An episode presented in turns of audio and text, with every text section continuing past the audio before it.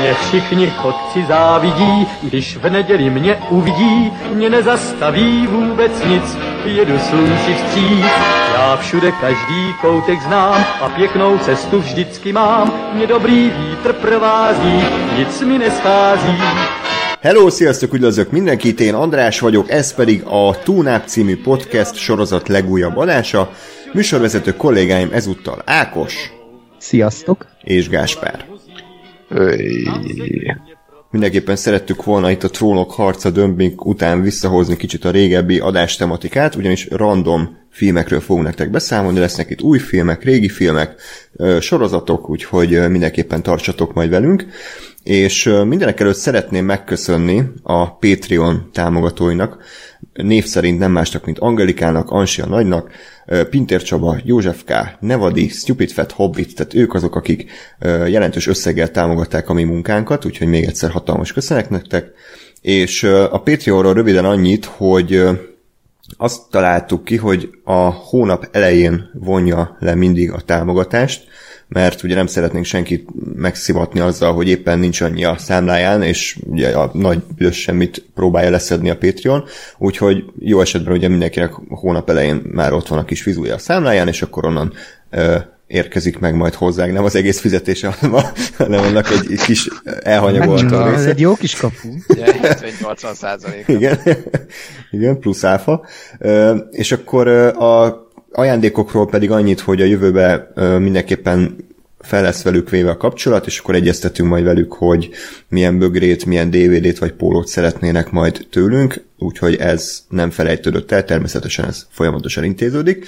És amit pedig ígértünk, hogy az első ilyen, hogy is hívják ezt? Nem tier, hanem, és nem is milestone, milyen, Goal. Goal. goal, hogy, ö, hogy lesz, lehet szavazás Patreonosoknak arról, hogy mi lesz a következő nagy projektünk, hogy ezzel is támogatva, vagy ezzel is kicsit úgy megnyomva azt, hogy, hogy az emberek érdeklődjenek a Patreon lehetőségek iránt, és az lesz most a menet, ugye vasárnap ö, 19-én jó esetben felkerül az adás a Patreonra, utána pedig két nappal kedden hallgatható majd mindenki számára az adás, és utána levő vasárnapig tart a szavazás arról, hogy tehát mi legyen a következő nagy projektünk. Ez nem biztos, hogy rögtön az ezután következő adásból már is kezdődik, de mindenképpen felveszük majd a teendők közé. És ezek a választási opciók pedig nem más, mint a Péntek 13 filmsorozatnak a kibeszélése, hogy eléggé szerettétek a Rémám az elmúlt szában ö, tematikus adásunkat, úgyhogy szerettünk volna egy hasonlót tartani. A következő az a legjobb filmek a filmkészítésről. Tehát konkrétan azok a filmek, amik arról szólnak, hogy mennyire nehéz, vagy mennyire fán, vagy mennyire tortúra egy játékfilmet összehozni. A következő választási lehetőség, hogy folytatjuk a TV App-nak a nagyívű projektjét, mégpedig Black Mirror epizódoknak a kitárgyalásával. Jelenleg az a terv, hogy nem egyesével fogunk, hanem minden adásban kettő darab Black Mirror epizódról fogunk részletesen beszélni. A negyedik választási opció az az én szívemhez igencsak közel áll. Ez a klasszikus Zucker, Abrahams, Pat Proft féle paródia filmeknek a kibeszélése, tehát Airplane, Csupasz Pisztoly, Nadduranás, Top Secret és egyebek. Az utolsó lehetőség pedig a trolloknak mindenképpen ajánlom. Egy, egy igazi kínszenvedés lesz, hogyha esetleg erre esik a választás, ne essen, úgyhogy köszönjük szépen. Ez pedig az Alvin trilógia, a Macilaci, a Hope, Hupikék, törpikék, tehát az összes undorító CGI élőszereplős filmsorozat, tehát magyarul James Marsdennek a filmográfiája, úgyhogy ez, Nem, már újra kell a Westworld. igen. Úgyhogy ez is egy választási, választási opció, de hogyha ha szerettek minket, akkor ha lehet, akkor ne feltétlenül erre szavazatok. Úgyhogy ennyi lesz tehát mostantól a, a menet. Az adás felkerülése után nem sokkal majd láthatjátok ezt a kis polt, és akkor mindenki szavazhat arról, hogy melyik projektet szeretné tőlünk a későbbiekben. Igen, és fontos ugye, hogy ö, ö, amennyiben sikerül jól beállítani a Patreon-t, akkor azok is fognak tudni szavazni, akik, akik még eddig nem patronok, de most ö, hirtelen úgy gondolják, hogy mégis Mhm. szeretnének ö, kisebb-nagyobb összeget ö, adományozni nekünk, és ö, ezáltal befolyásolni a, az életünk jövőbeli alakulását, vagy legalábbis egy részének alakulását azzal, hogy uh, uh, szar van. Na, ez tökéletes, tehát pont, pont erre kell a Patreon, hogy Gáspár ne dobozhanggal, órás késésekkel mondja ki egy mondatot. Kérlek, ismétel meg, mert eléggé beszaggatott ez a csod. Segít, segít, ha megvárja, tehát Hát, hogyha szól, amint, és nem várjátok meg, még egy percet beszélek. De így szórakoztatom. Nem segít, így szórakoztatom. Show must go on. Jó, jó. Tehát, uh, uh, meg az a jó, hogy amikor én elmondok valamit, ezt azért mondom el, hogy ezen ne kell emlékezni. Tehát, igen. Tehát, hogy, uh, hogy beállítani a PC-t, akkor ugye azok vagy most csak egymás szopatjuk. Jaj, jaj. Nyugodjunk meg. Nem, még mindig akadozik. Csodálatos. Ezt direkt csináljuk, hogy a következő gól az az legyen, hogy Gáspár az begössék az internetet. Egyelőre a telefonkábeleken keresztül. Most milyen? Hát, Változott valami? hát most éppen jó. Most jó, Most most jó. Király. Szóval uh, de körülbelül már háromszor elfelejtettem, hogy mit akartam mondani. Uh, uh, igen, hogyha jól a Patreon-t, akkor ugye az is szavazhat, aki eddig még nem patronunk, de most, most úgy gondolta, hogy szeretne kisebb összeggel, vagy nagyobb összeggel hozzájárulni a, podcastünkhöz, és befolyásolni a életünk jövőbeli alakulását. Úgyhogy, úgyhogy biztatunk mindenkit, hogyha szeretné kedveskedni nekünk jó filmekkel, vagy megszivatni minket ilyen hopp és macilat szintű trágyadombból kifolyó, hogy mondjam, folyadékkal, akkor, akkor még nyugodtan megtehet. Patreon.com per Radio Tuna Up. Így van. Egyébként Gáspárnak nem az internetője van a baj, hanem ő valójában egy Westworld Android, akit éppen próbálnak összerakni, úgyhogy erre is kell pénz, hogy fenntartsuk a Gáspár Android létét. Kicsit beglitchelt. Na, és akkor egyéb ö, csatornákon megtalálhattok minket, ugye fenn vagyunk iTunes-on, fenn vagyunk Spotify-on, Soundcloud-on, Facebookon és Twitteren, és facebook.com per Radiotunaut, Twitteren pedig az Eta Radiotunaut néven tudtok minket megtalálni. Úgyhogy akkor vágjunk is bele az adásba egy, ö, egy kellemes kis dokumentumfilmmel, ami Oscar díjat is nyert ö, legutóbb. Ennek a címe Free Solo, és egy Alex nevű falmászóról szól, hegymászóról, aki kötél nélkül mászik. És az El Cap nevű kaliforniai hegyet próbálja megmászni, és erről szól ez a dokumentumfilm többek között, hogy az emberiség történetében először vajon sikerül-e neki. Gáspár, hogy tetszett ez a dokumentumfilm? Uh, én, én ugye annak idején, amikor az Oscar ra bekerült, meg az Oscar után így nem nagyon uh, érdekelt ez a film, hogy ezt elolvastam a kis egymondatost, hogy miről szól ez, meg mi ez, és így mondtam, hogy jó, hát oké, okay, biztos valakit ez érdekel. Uh, és aztán, aztán mégis megnéztem most erre az adásra, és, uh, és azt mondom, hogy ez egy nagyon jó döntés volt, mert tényleg pont azokon a pontokon nagyon erős a film, amikben én kételkedtem, tehát nagyon jól átadja azt, hogy miért van értelme annak, hogy ez a film elkészült, mi ennek a filmnek a, a, az alapvető koncepciójában jár, jár, rejlő ellentmondása, és és, és, és közelebb is visz az egész, egész sziklamászás dolghoz, meg, meg úgy az egész jelenséghez, és kicsit úgy, úgy be, bevonz, meg megértem, hogy mi ez az egész, meg mit csinál a csávó. Úgyhogy, úgyhogy nagyon, nagyon bejött, meg tetszik, hogy egy ilyen tudom én, elég fura a főszereplő, egy ilyen kis érzelemmentes, és tudom én, azt hiszem, azt hiszem mondják, hogy valami Asperger-szerű ugye, talán lehet, úgyhogy, úgyhogy Mhm. elég ö, nem, nem túl szociális. Hát a olyas, csávó. mint a Spock egyébként. Igen, hát igen. Ja. Igen, ne- nekem is nagyon tetszett a film, mert, mert pontosan mindenből annyit adott, amennyi kell, tehát kicsit beavattak minket ebbe a Free solo a történetébe, természetesen megismertük a főszereplőt, Alexet, a családját, a múltját, de nem vájkáltak benne órákig, mint a, mit tudom mi, mi volt az a Michael Jacksonos Never, Finding Neverlandben, vagy Leaving Neverland, bocsánat, és elég jelenet volt, amikor ugye azt láttuk, hogy hogyan készül fel erre az eseményre, tehát többször is elmagyarázták, hogy milyen különböző szakaszai vannak a falmászásnak, ezeket név szerint, hogy milyen technika szükséges hozzá, és hogy még kötélel is mennyire nehéz, és mennyire elképzelhetetlen, hogy ezt valaki hiba nélkül teljesítse, és amikor mindezt ugye elveszik tőle az összes biztosítékot, és az összes garanciát arra, hogy ő lehet, hogy, hogy ő túlélheti, és ennek ellenére elindul és megpróbálja megmászni ezt a hatalmas falat, az, az, az nagyon-nagyon-nagyon izgalmas és nagyon-nagyon szép. Ugyanakkor meg hát igazi ilyen hátborzongató beállításokkal van elmesélve. Kicsit olyasmi, mint a, a Mission Impossible 4-ben a Burj Khalifás ö, akciójelenet, csak ott, mint tudjuk, hogy azért az egy film, és ott a Tom Cruise bármennyire is valóban kimászott, azért biztosító volt. Most ugyanezt képzeljétek el, csak kötél nélkül, és egy dokumentumfilm köntösében már azt is látni, ahogy az operatőrök is mellette másznak kötélen, gyönyörű drónfelvételeket láthatunk, és szuper közelélyeket a lábáról, a kezéről. Tehát ha ezt mondjuk IMAX-be látjuk, akkor szerintem ott fel kell takarítani a padlót, mert, mert még a kis, kisebb tévében is egyébként néha szinte tériszonyom lett, annyira brutális és annyira lehetetlen pozíciókba lóg, csimpaszkodik, és hogy éppen majdnem nem csúszik le, de mindez egy hatalmas vásznon, az egy szerintem egy életre szóló élmény lehetett volna.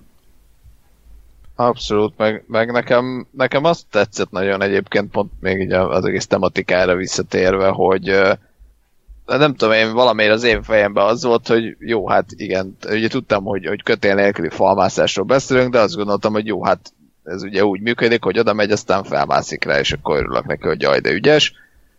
És hogy így nem tudatosult bennem, hogy egyrészt mekkora ez a hegy, amire ő felmászik, Mm, majdnem egy Már- kilométer magas egyébként. másrészt, hogy hogy tényleg ez, ez, ez nem úgy működik, hogy, hogy tényleg oda megy valaki, és akkor fel tud mászni rajta, hanem, hanem hogy tényleg lépésről lépésre, és szó szerint lépésről lépésre, és mozdulatról mozdulatra öm, ki kell találni, vagy hát ugye követni a, a mások által kitalált útvonalat, azt ugye először mindig gyakorolja kötéllel, megnézi, hogy hol, hogyan tud felmenni, és akkor ö, végül egyszer csak azt mondja, hogy jó, akkor most felmegyek mindenféle segédeszköz nélkül, és, és tényleg az a, az a nagyon ilyen, ilyen ellentét a, a, az egészben, hogy a free solo pont az a lényege, hogy egyedül vagy, és biztosítás nélkül. E, és ugye ugye ezt lefilmezni, tehát akkor már nem vagy egyedül, és, és tényleg volt egy ilyen furaság a dolognak, ugye kiderült, hogy, a, hogy ez ilyen free solo mászásokat, azokat, azokra egy csomószor nem is szólnak senkinek, tehát nem azzal, hogy Igen. szia, akkor most elmegyek megmászni a hegyet, és akkor majd jövök, hanem hogy tényleg, ha olyanja van, akkor fogja magát, és akkor másnap kimegy, és felmászik a hegyre, aztán nem tudom, én lefotózza magát a tetején, és szól, hogy "Jaj, akkor én felmásztam. És hogy, és hogy tényleg az meg, hogy, hogyha ezt fel akarod venni, az egy teljesen más mentalitás, mert tényleg akkor egyrészt ott van egy csomó mindenki, tehát, tehát már, már másba vagy, meg, meg tényleg azzal, hogy és, és az volt egy nagyon érdekes dolog, hogy azért a, a, az Alexben is benne volt az, hogy azért, ha ő most itt leesik mindenki előtt, Uh-huh. akkor, akkor azzal milyen, milyen, nem tudom én, súlyt tesz a többiekre, tehát azokra, akik mondjuk ezt végignézik. És, és az volt a durva, hogy egyébként, tehát én azt gondolom, hogy azért tudni lehetett, hogy nyilván nem fog leesni.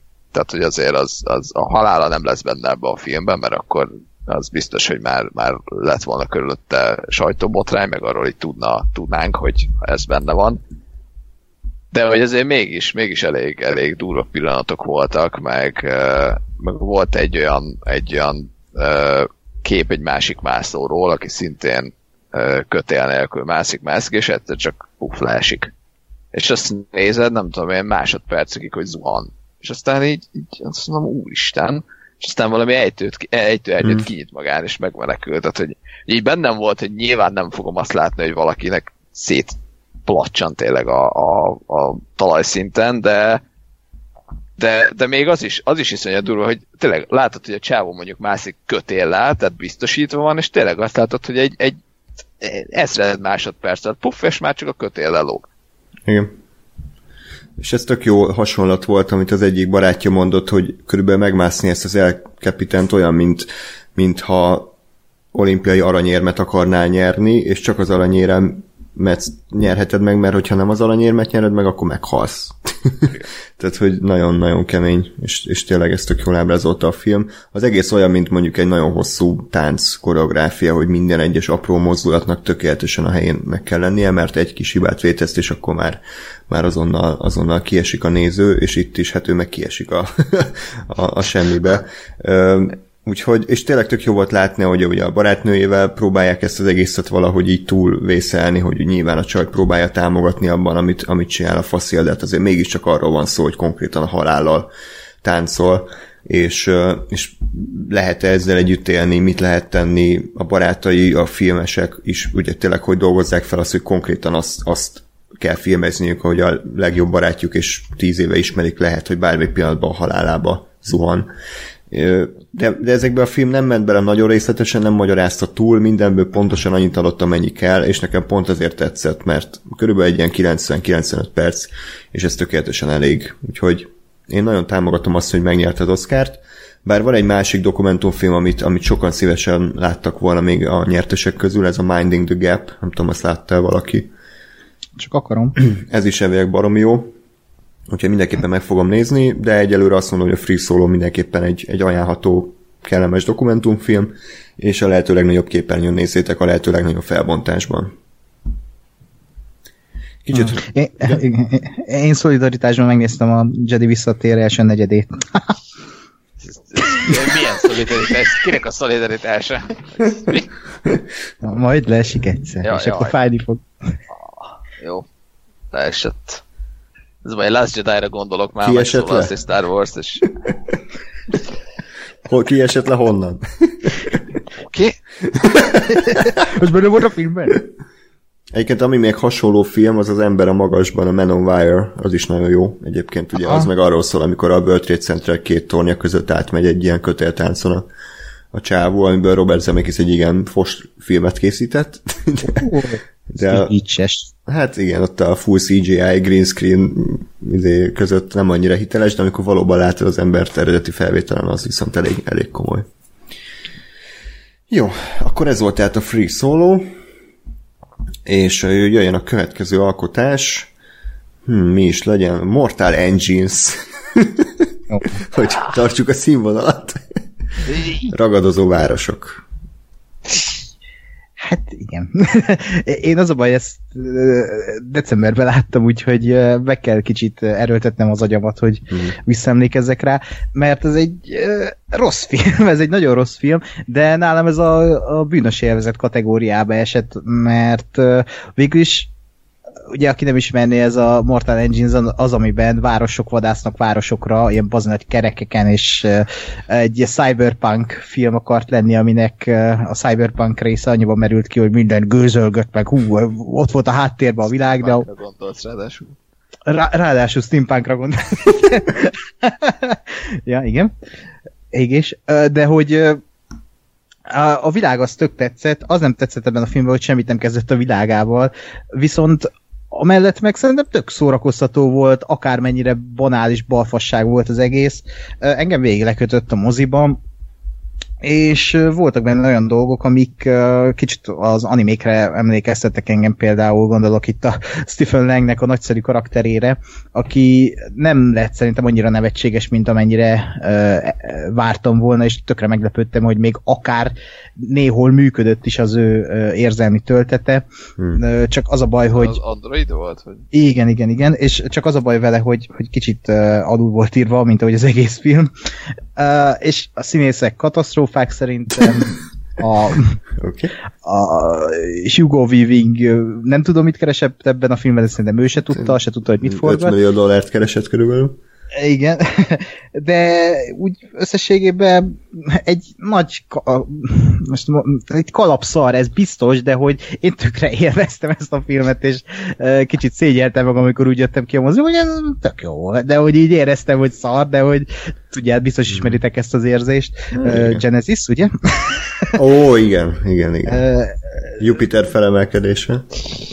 Hát az, az nem, az nézhetetlen. De hogy, de... ez a, a, ezért, hogy hívják a, azt a barmot? Elkapni! de hogy hívták de ezt? Eddie, uh, Eddie Redmayne. Eddie Redmayne. Tehát ez... Aki így beszélt végén. Néha! Így jobált egyet de az nem, az nézhetetlen, az, az, az, az még szórakozt, sem, a közelébe sincs a szórakoztatónak, az egy kínszenvedés. Ez viszont szerintem egy szórakoztató rossz film, ami uh, amiben érződik néhol azért Peter Jackson grandiózusság, és ezt tökre szerettem, de ezen kívül semmi, és eléggé össze van csapva a film második fele, sajnos. De nekem nem fájt, hál' Isten, mint másoknak. Káspárnak fájt? Uh, nem, én, én úgy vagyok ezzel, hogy abszolút megértem, amit mondasz, uh, mert én is, én is inkább erre számítottam, vagy arra, hogy ez így szóval ilyesmi lesz. Uh, de mert legjobb, legjobb esetben, de aztán igazából a szóval ötödik percnél engem elvesztett ez a film. Tehát, hogy amikor azt, azt látom, hogy a, a, a lánctalpakra szerelt London üldözi a, a, a kis, kis lánctalpas, nem tudom, egy cseh egy városkát, és akkor, hogy, hogy most én ezt így vegyem komolyan, és ez a, tehát nem. ezt nem tudom komolyan ez venni. biztos a, az iparosodás szimbóluma, hogy a nagyváros így szépen felemészti a kisvárosokat is. Ez, de, de, volt de, ez most... Vicc ez, de volt ilyen. Ó, na hát. Meg de migránsozás. De, igen. De hogy tényleg, tényleg uh, olyan érzés volt, vagy így papíron is úgy voltam vele, elmélett láttam, hogy ez így, ez így nagyon közel van ahhoz a, ahhoz a vékony kis határvonalhoz, hogy mi ilyen over the top, de még, még jó, meg elhiszem, meg oké, okay, és mi az, ami már, tehát, hogy nem, ez, ez gagyi, és hát ez most, ez, ez a gagyi uh, oldalra esett. És az első filmes Christian Rivers szerintetek hogy muzsikált? Hát muzsikáltott volna rosszabbul szerintem, és ez egy kis csoda, hogy, hogy ez a, ugye vannak azok a rossz művek, amik amatőr, és tényleg szar. Tehát például ilyen egy uh, Suicide Squad, vagy uh, nem tudom, most volt még egy ilyen, nem Die Hard, azok amatőrök, és azért rosszak, de ez a film nem amatőr, ez olyan, mintha egy ilyen iparos csinálta volna, aki már lenyomott öt Jurassic World 3-at, és akkor most csinált egy Mortal Engines, tehát ilyen szempontból szerintem nem volt ezzel baj, nem érezni rajta, hogy ez... De nem is az a baj, hogy... Vagy nem, nem az a fura, hogy ő első filmes, hanem ő csak tényleg reklámokat rendezett, és ez az első filmje, nem első kis filmje, nem első low budget filmje, az első filmje. Hát azért a Peter Jackson lábát már szagolja egy ide, mert, mert ugye a... So, sokat segít a karrierjén, igen. Hát most ő, ő végig ott volt a vágószobában, meg a, a ugye ő storyboardos, tehát hogy ők találták ki konkrétan a Peter Jackson az egész gyűrűkorának kb. minden egyes shotját. Igen. Ő rajzolta a storyboardokat, meg second, meg third unit director is volt, tehát azért ő, ő ebben a branchban ott benne van, csak hát azért önálló ö, alkotói kézjegyei vannak? Hát, Kérdezem. Ez nem derült ki. Igen, szerintem az, az látszik nagyon, hogy ez a csávó, azt néztem, hogy uh, um, production design, látványtervező volt, és hogy az így látszik, mert hogy uh-huh. így design szinten szerintem tök jól néz ki a film, teljesen oké. Okay ezzel a tényleg ilyen over the top uh, túl, túlhúzottság ellenére.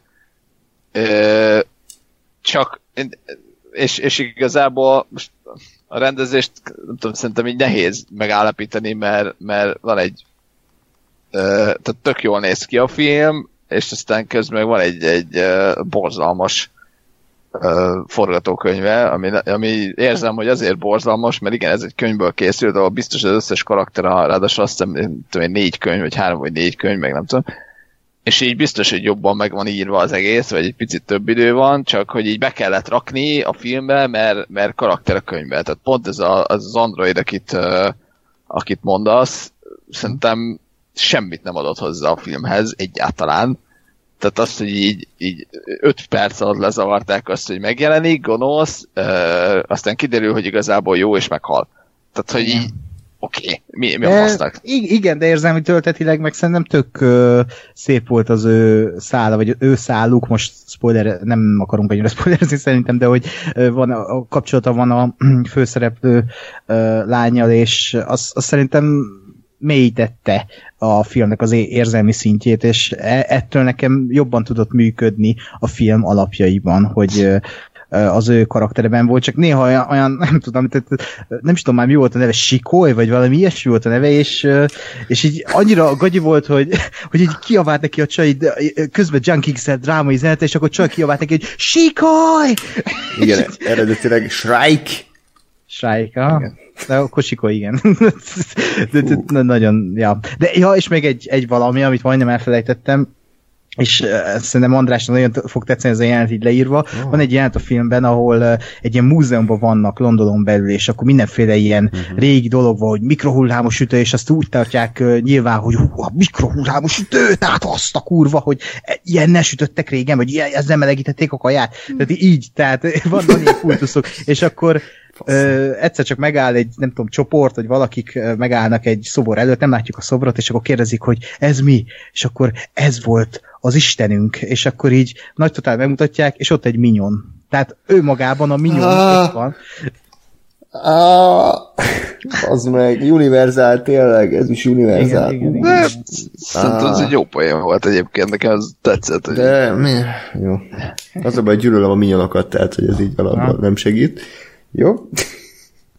De nem csak, hogy pont azért, mert hogy most hmm. tényleg, tehát nekem az a, az a gondolata tetszett, hogy tényleg nem tudom én hány száz évvel vagyunk a, a, a jövőben, és hogy, hogy tényleg most ha, ha kiásnak egy valamilyen figurát, akkor és mondjuk nem vagyunk teljesen, vagy nem nincsenek teljesen képbe a, a civilizációval, akkor most ezt hova lövik be, hogy ez mi? Hogy ezt most ismerte mindenki, vagy érted, egy olyat találtam, ezt azt tudod megállapítani, hogy most egy olyat találtam, ami, amiből egy volt, és ez egy nagy érték, vagy egy olyat találtam, amiből 5 milliárd volt, és ez egy értéktelen kacat. Vajon, ha megtalálják a túnápnak a archívumát, akkor mit gondolnak, hogy e- ez csak egy ilyen volt, vagy ez csak egy a sok közül?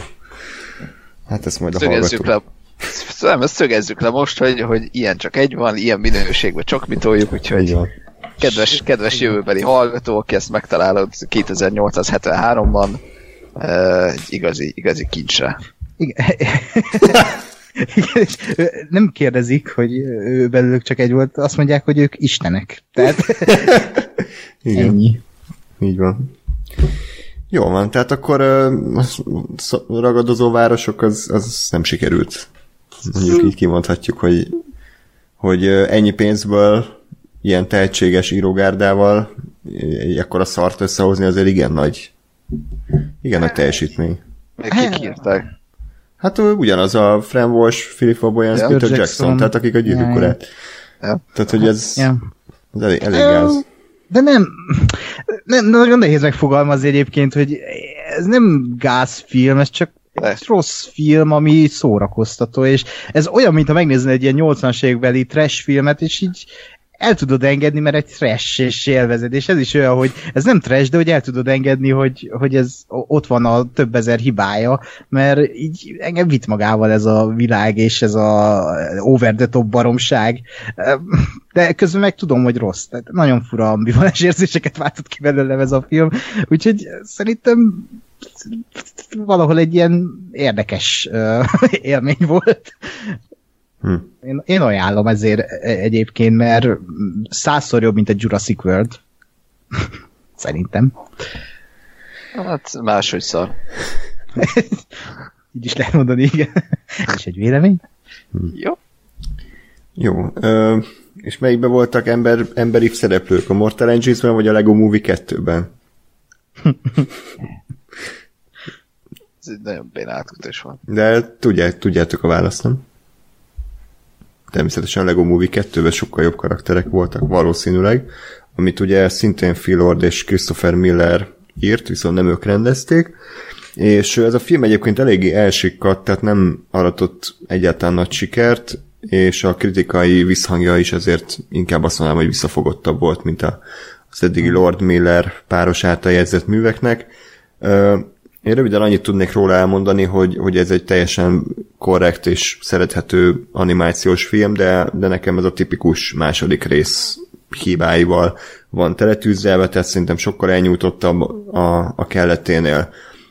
A lélek az, az a végét leszámítva nekem hiányzott belőle, és, és az nem tetszett, hogy semmi, semmi újat nem tudtak hozzátenni az eddigi Lego poénokhoz, panelekhez, hanem ugyanazt megcsinálták, csak még több ö, verzióban. Tehát ugyanazok a poénok vannak, ugyanannyira a, pop, a popkultúrás kikacsintások a végén, ugyanúgy van egy ilyen élőszereplős ö, kis melegtakaró ö, üzenet, tehát hogy, hogy nem érzem azt, hogy bármi újat láttam volna, csak egy kicsivel új történetet, ettől függetlenül működik, mert szerintem ez a, ez a Lego Movie hangulat ez továbbra is átjön, és, és vannak benne tök jó poénok, de lehet, hogy hiányzott belőle a Lord Milleréknek a rendezői kézjegye, hogy ezt az egészet egy igazán egyedi és jól működő folytatással tudják összerakni.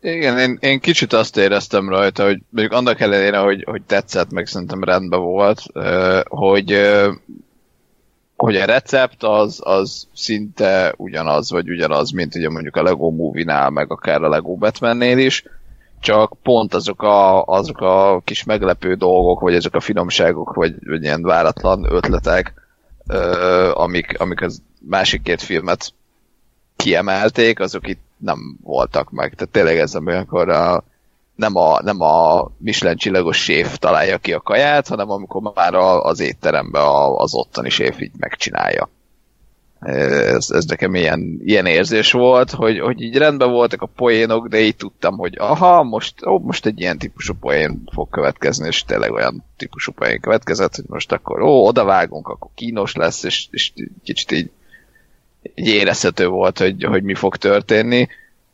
De, de én azt gondolom, hogy azért még így is a, a, a hangulata, meg azért a, a, az egésznek a mondani valója, meg a, meg a, a sztoriban is fordulatok azok azok helyén, helyén voltak abszolút, csak tényleg nem, nem volt annyira váratlan és meglepő és ütős, mint a, mint a Lego Movie, vagy a, vagy a Lego Batman. Uh-huh. Én sem tudok többet hozzátenni, mert ezen a véleményem vagyok, hogy annak idején a Lego Movie az egy ilyen hatalmas meglepetés volt, ami, ami mondhatni friss volt, mert ilyet nem, nem erre számított szerintem senki, és amikor megnéztük, akkor nem csak az volt, hogy kellemes meglepetés, hanem ez egy remekül összerakott, meta szinten is működő, szívhez szóló történet. Tehát mindenkinek lehetett azt ajánlani, és mindenkinél működött, és ez a második rész is működik, csak az a baja, hogy így ez a tipikus még többet, még nagyobbat, még harsányabban, még szívhez szólóbban mondjuk el egy történetet, és közben meg ugye kivették a rendezőket a rendezői székből, ez, ez is meglátszik azért. Nekem az nem tetszett ebben a filmben, hogy hogy, hogy, hogy tényleg néha már túl sok volt, és, és elfáradtam. Kb. olyan volt nálam, mint a Wreck-It Ralph 2, hogy így láttam, hogy ez nagyon jó, meg érzem, de hogy, vagy érez nem érzem, hanem már fáradok. Tehát ez a túlteltem a jó poénokból, meg az ilyen kiszámíthatóságban, mint Gáspár mondott, hogy tudtam, hogy e, e, ezt fogják mondani, vagy vicces lesz, vicces is volt, de nem úgy. Tehát e, nagyon fura film, és nekem az volt a másik bajom még vele, hogy ugye a film kb. végigmegy ezen a jaj, most megint egy dal jön. Tehát így kimondja a nézőnek, hogy megint egy dal jön, és megint egy dal jön, és folyamatosan dalok jönnek, és átesik a ló túloldalára, hogy tényleg egy, mm. egy ilyen Disney musical lesz belőle, ami szerintem nem tett jót ennek a résznek, még ha volt is benne pár tényleg tök jó dal. Um, meg az, hogy most még, csináljunk még egy szipi szuper, csak most egy ilyen, nem tudom már mi a számcíme, de hogy az a lényege ugye, hogy fülbemászó legyen, és hát, szerintem túl, túlságosan hmm. túltolták ezt a ismételjük meg ugyanaz, csak most még jobban. De, de aranyos, és én az üzenetét se érzem annyira kedvesnek és szívhez és uh, univerzálisnak, mint az első résznél volt.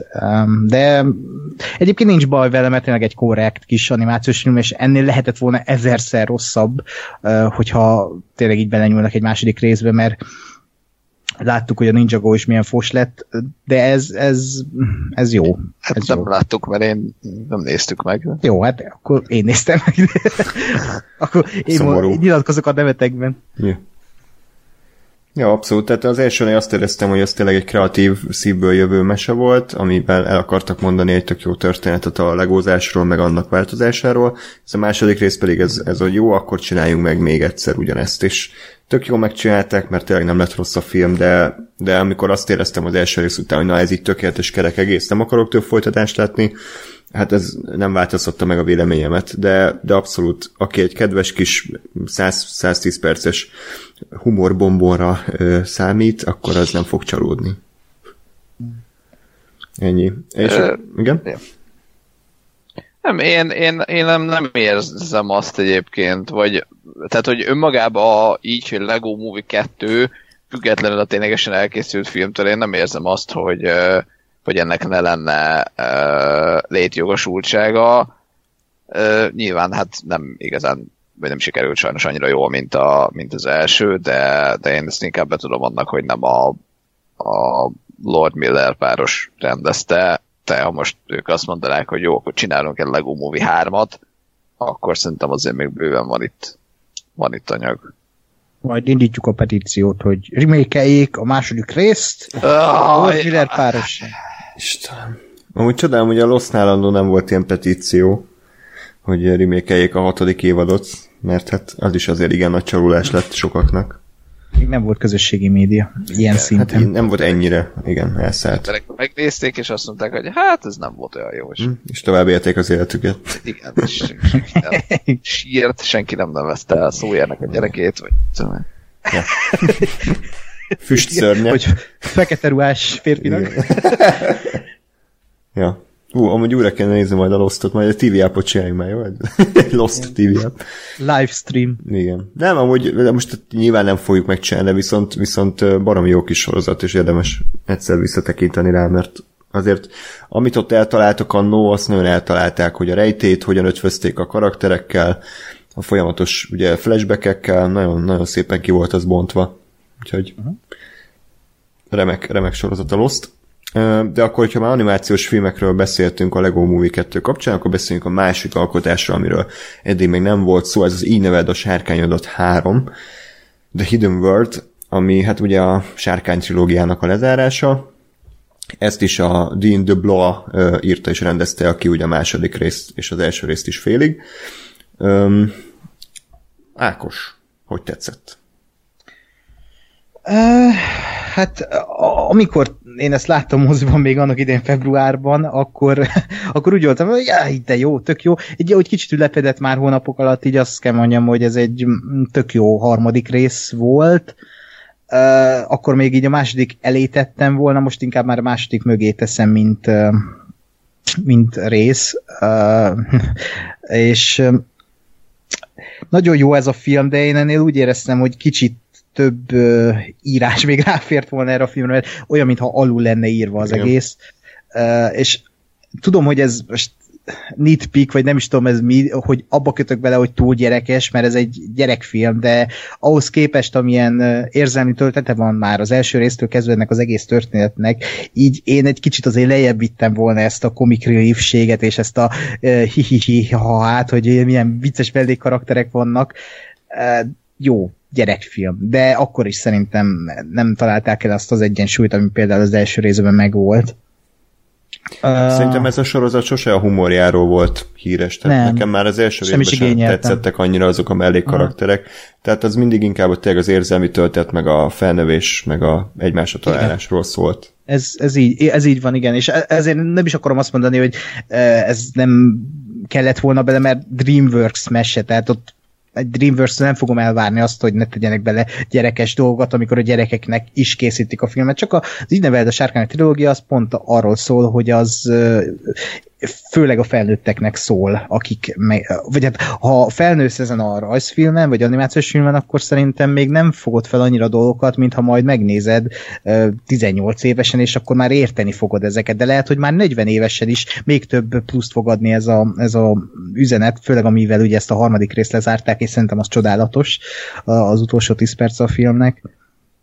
meg úgy az egész, nekem nagyon tetszett, hogy ez a, az egész film arról szól, hogy engedjük el a múltat, és tovább kell lépni egy idő után, és, és ez, ez szerintem tök jó van prezentálva, és nagyon szép az egész, főleg a, ahogy kinéz ez a film, az zseniális, tehát a Roger Dickens kezenyoma az így meglátszik az összes beállításom.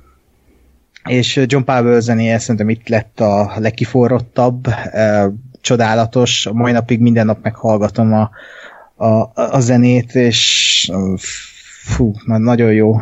Um, de tényleg az a baj, hogy kicsit alul van írva, és a karakterek néha sokak, mármint a vicces karakterek, uh, és Hát igen, a főgonosz mondják még negatívumnak, de szerintem a főgonosz az pont így volt jó, hogy sablonos volt, de pont egy ilyen hablaty evil volt a film végéig, és nekem elég volt annyi, hogy volt egy olyan Mm, mi a menacing magyarul? Vajós? Vagy ilyen fenyegető? fenyegető. Ilyen fe, fenye, volt egy ilyen fenyegető kisugárzás, és ennyi. Nekem ez elég volt, hogy, hogy megteremtse azt a kis kellő feszültséget a filmben. Kicsit a, a sárkányos lamúrt néztem volna még tovább, mert abban szerintem nagyon kevés volt ahhoz, hogy a film filmet ezzel adják el, és így kb. oda volt csak dobva, és pár jelenet volt erről. Mm. Lehet, ha több lett volna, akkor még idétlenebb lett volna a film, de szerintem megoldotta volna Debloy ezt az egészet. De összességében szerintem ez egy nagyon jó kis film, ami, aminek csodálatos befejezése van, és így szerintem kaptunk egy újabb majd, hogy nem tökéletes trilógiát a 2000-es években, ami, amit így sokszor elő fogok venni. Hát az első kettő rész is így pár évente újra nézem, mert annyira jók, és így most a harmadik rész is bekerült az újra nézendők sorába. Á, ja, most besz, Ákos beszélt, bocs. Igen, Á, igen Ákos. Szép, szép mentés volt. Kicsit már az Alzheimer bácsi beköszönt. Gáspár, te láttad ezt? Láttam, igen. Mm én nekem, én nem, nem néztem most újra a, az első két részt, és hát nem tudom, az az, a, az, az érdekes, hogy rengeteg ponton ez a film szerintem sokkal érettebb, mint, a, mint a, a, az egyéb Madagaszkár pingvinjei. Jó mondtad, nem a legaljára gondoltam. Hogy... Baby úr. Szóval, mint, mint az átlag, átlag uh, animációs filmek, tehát azért, azért uh, emlékezünk vissza, hogy mondjuk az első rész is már eleve azzal ért véget, hogy a, hogy a főszereplő elvesztette a lábát, a második részben meghalt az apja, és a, a harmadik részben meg ugye a, a, a fogatlant, hát nem azt mondom, hogy elvesztette, de hogy ő, ő vele szakadtak el egymástól, amik szerintem azért olyan uh, momentumok, ami, amik, amik nem jellemzők uh-huh. ilyen, ilyen animációs filmekre. Ugyanakkor tényleg a, a bármelyik résznézése közben tényleg úgy ott van az emberben, hogy majdnem, hogy majdnem tökéletes, de hogy egy picit mindig hmm. mindig uh, uh, kevesebb, és és, de én azt gondolom, hogy, hogy ez biztos, hogy, hogy bekerülhetne, vagy, vagy megérdemelné, hogy bekerüljön a, a, a, az olyan filmek listájára, amit mondjuk tényleg a, a gyerekemnek is megmutatok már, hogy értékes, mm. meg hogy ezért egy kicsit nem folyamatosan azt a debil hülyeséget nyomja mondjuk a minyonok, vagy nem tudom. Tehát, hogy ilyen sem értem, hanem, hanem azért itt tényleg van, van uh, tartalom is. Sajnos nem tökéletes, mert tényleg mindegyik résznek vannak hibái, de, de szerintem még így is, így is megéri azért uh, megnézni őket, meg, meg mm. fejbe tartani, hogy igen, ezek a filmek is léteznek, és azért elég jók. Abszolút, és teljesen egyedi ebben a mai animációs mezőnyben ez a trilógia. Én tényleg azt sajnáltam, amit Ákos, hogy, hogy volt benne két tök jó szál, amit sokkal jobban kidomboríthattak volna. Az egyik ez a, ez a szerelmi szál idézőjelbe, ugye Tooth lesz meg a, a mi volt? Bright Fury? Vagy Light Fury. Yeah. Light Fury. Light Fury, igen, ugyanazt játszottam, mint a filmben. Tehát az ő szállókat sokkal jobban kivonthatták volna, a második pedig tényleg az utolsó 10 perc, ami, ami engem rohadtul megérintett, és, és tényleg visszarepített az első mm. filmnek a, az érzelmi világába. Én akár az egész How to Train Your Dragon 3-at el tudtam volna képzelni úgy, mint az utolsó 10 perc. Tehát, hogy az, uh-huh. az sajnos úgy éreztem, mintha csak a végére egy oda lett volna toldva, hogy ja, amúgy még ez is történik, de az, az, én azt hosszabb kibontást el tudtam volna viselni, mert az nagyon megérintett érzelmileg. Az, hogy megint jön egy ilyen sárkányvadász, és akkor menekülnek, meg el kell bújni, az, az, abban nem találtam semmi eredetit meg érdekeset, tehát ezért sajnáltam, hogy a filmnek a nagy része az arra idézőjelbe elpocsékolódik de a végén nagyon visszahozták, és, és úgy zártam le a, ugye úgy, úgy mentem ki a moziteremből, hogy na hát ez, ez egy nagyon szép trilógia. Itt egy, még megvédeném azért ezt a főgonoszos szállat abban, abban a tekintetből, hogy az egész film arról szól, hogy tovább kell lépni, és az, hogy megjelenik egy ilyen fenyegető ö, dolog az életükben, az egész hogy hívják a szigetet, elfelejtettem, de hogy ott a, a, a főszereplők életében megjelenik egy fenyegető dolog, és távozniuk kell arról a szigetről, az szerintem ráróható a fő szálnak a, a mondani valójára is, ami az utolsó 10 perc, hogy igen, el kell engedni dolgokat, de aztán újra lehet kezdeni, és ez szerintem pont azért volt jó a főgonosz, mert így ez, e, így ezt elérte a, a, a karaktereknél, és ő egy olyan dolog volt, ami arra sarkalta a karaktereket, hogy igen, távozzanak onnan, mert az életnek így kell zajlani, és az életben is vannak olyan idézősen gonosz meg rossz dolgok, amik arra sarkálják az embert, hogy igen, most akkor nekem el kell távoznom innen, hogy egy új életet kezdhessek ott. És szerintem ebből a tekintetből ez így működik. De én nekem azzal volt a bajom, hogy, hogy tehát maga a motivum, hogy nekik el kell menni, és aztán máshol uh, új életet keresni, meg, meg stb., meg ugye ez az egész, hogy, hogy ugye ők ezt a Hidden World-ot keresték, és igazából odafelé menet az első szigeten már mindenki azt mondta, hogy azért ez itt tulajdonképpen tök jó. És hogy így mi a felének menjünk tovább. Tehát ez így, mint motivum, az nekem teljesen rendben van, csak a, a, a, a főgonosz az igazából ezt csak így elindította, de és, on, és onnantól meg ő nem volt főgonosz. tehát mint, mint karakter, vagy mint, mint jelenség szerintem egy nagy nulla volt. Uh, és, és valahogy, valahogy tényleg itt lehetett volna ügyesebben írni, hogy akkor vagy vagy legyen egy meglepő fordulat, hogy, hogy ő ezt elindítja, meghal a nem tudom, a 26. percbe, és aztán arról szól a film, hogy akkor hogyan léteznek mégiscsak ott az új helyen, vagy hogy, vagy hogy ott akarnak-e maradni, vagy menjenek tovább, vagy menjenek vissza, vagy, mm. vagy akkor ez legyen egy valaki. Tehát, hogy ez most tényleg egy ilyen Sárkányvadász 27 volt ez a csávó, hogy így semmi, semmi egyedisége, meg semmi saját karakter, szerintem nem mm. volt. Ja. Nagyjából a trilógiát úgy tudnám összefoglalni, hogy az első részt megnéztem, akkor olyan, mintha beülnék egy gyors étterembe, és elém, elém raknak egy sztéket, és így hát nem értem, hogy hát én nem ezért jöttem, de közben meg a világ egyik legfinomabb sztékét ettem, és nagyon pozitívan távoztam az étteremből. Aztán amikor másodjára beültem, akkor hát akkor most ismét jön a steak, hogy nagyon rákészültem, és akkor elém raknak egy Big Mac menüt, ami nem egy rossz dolog, de azért, hogy nem mondanám, hogy lenyűgözött volna. Oké okay volt, de kicsit csalódás, hiszen én steakre számítottam. És amikor harmadjára jöttem, akkor már előre készültem a csalódásra, hogy jó, akkor ez megint az a hely lesz, ahol steakre számítok, de közben Big Mac menü kapok, és leraknak elém egy Big Mac menüt, én szomorúan megfogom, beleharapok, és kiderül, hogy steak van a szendvicsben. és akkor így arra gondolok, hogy, hogy miért kellett elrontani ezt a steaket az, hogy belerakod egy Big Macbe, miért nem lehetett ezt külön nekem ismét feltállalni úgy, ahogy, mert nem kellett volna annyi humorbombonnal, ez esetben izé, avas sült krumplival feltuningolni, amikor simán a steak működhetett volna. Jézusom! De végül, amikor, amikor lenyeltem az utolsó falatot, akkor azt mondtam, hogy jó, hát végül is ez így oké okay volt. Na, ez, ez a kaja hasonlat már. Na, hogy megfeküdje a gyomrotokat. Úgyhogy ennyi volt.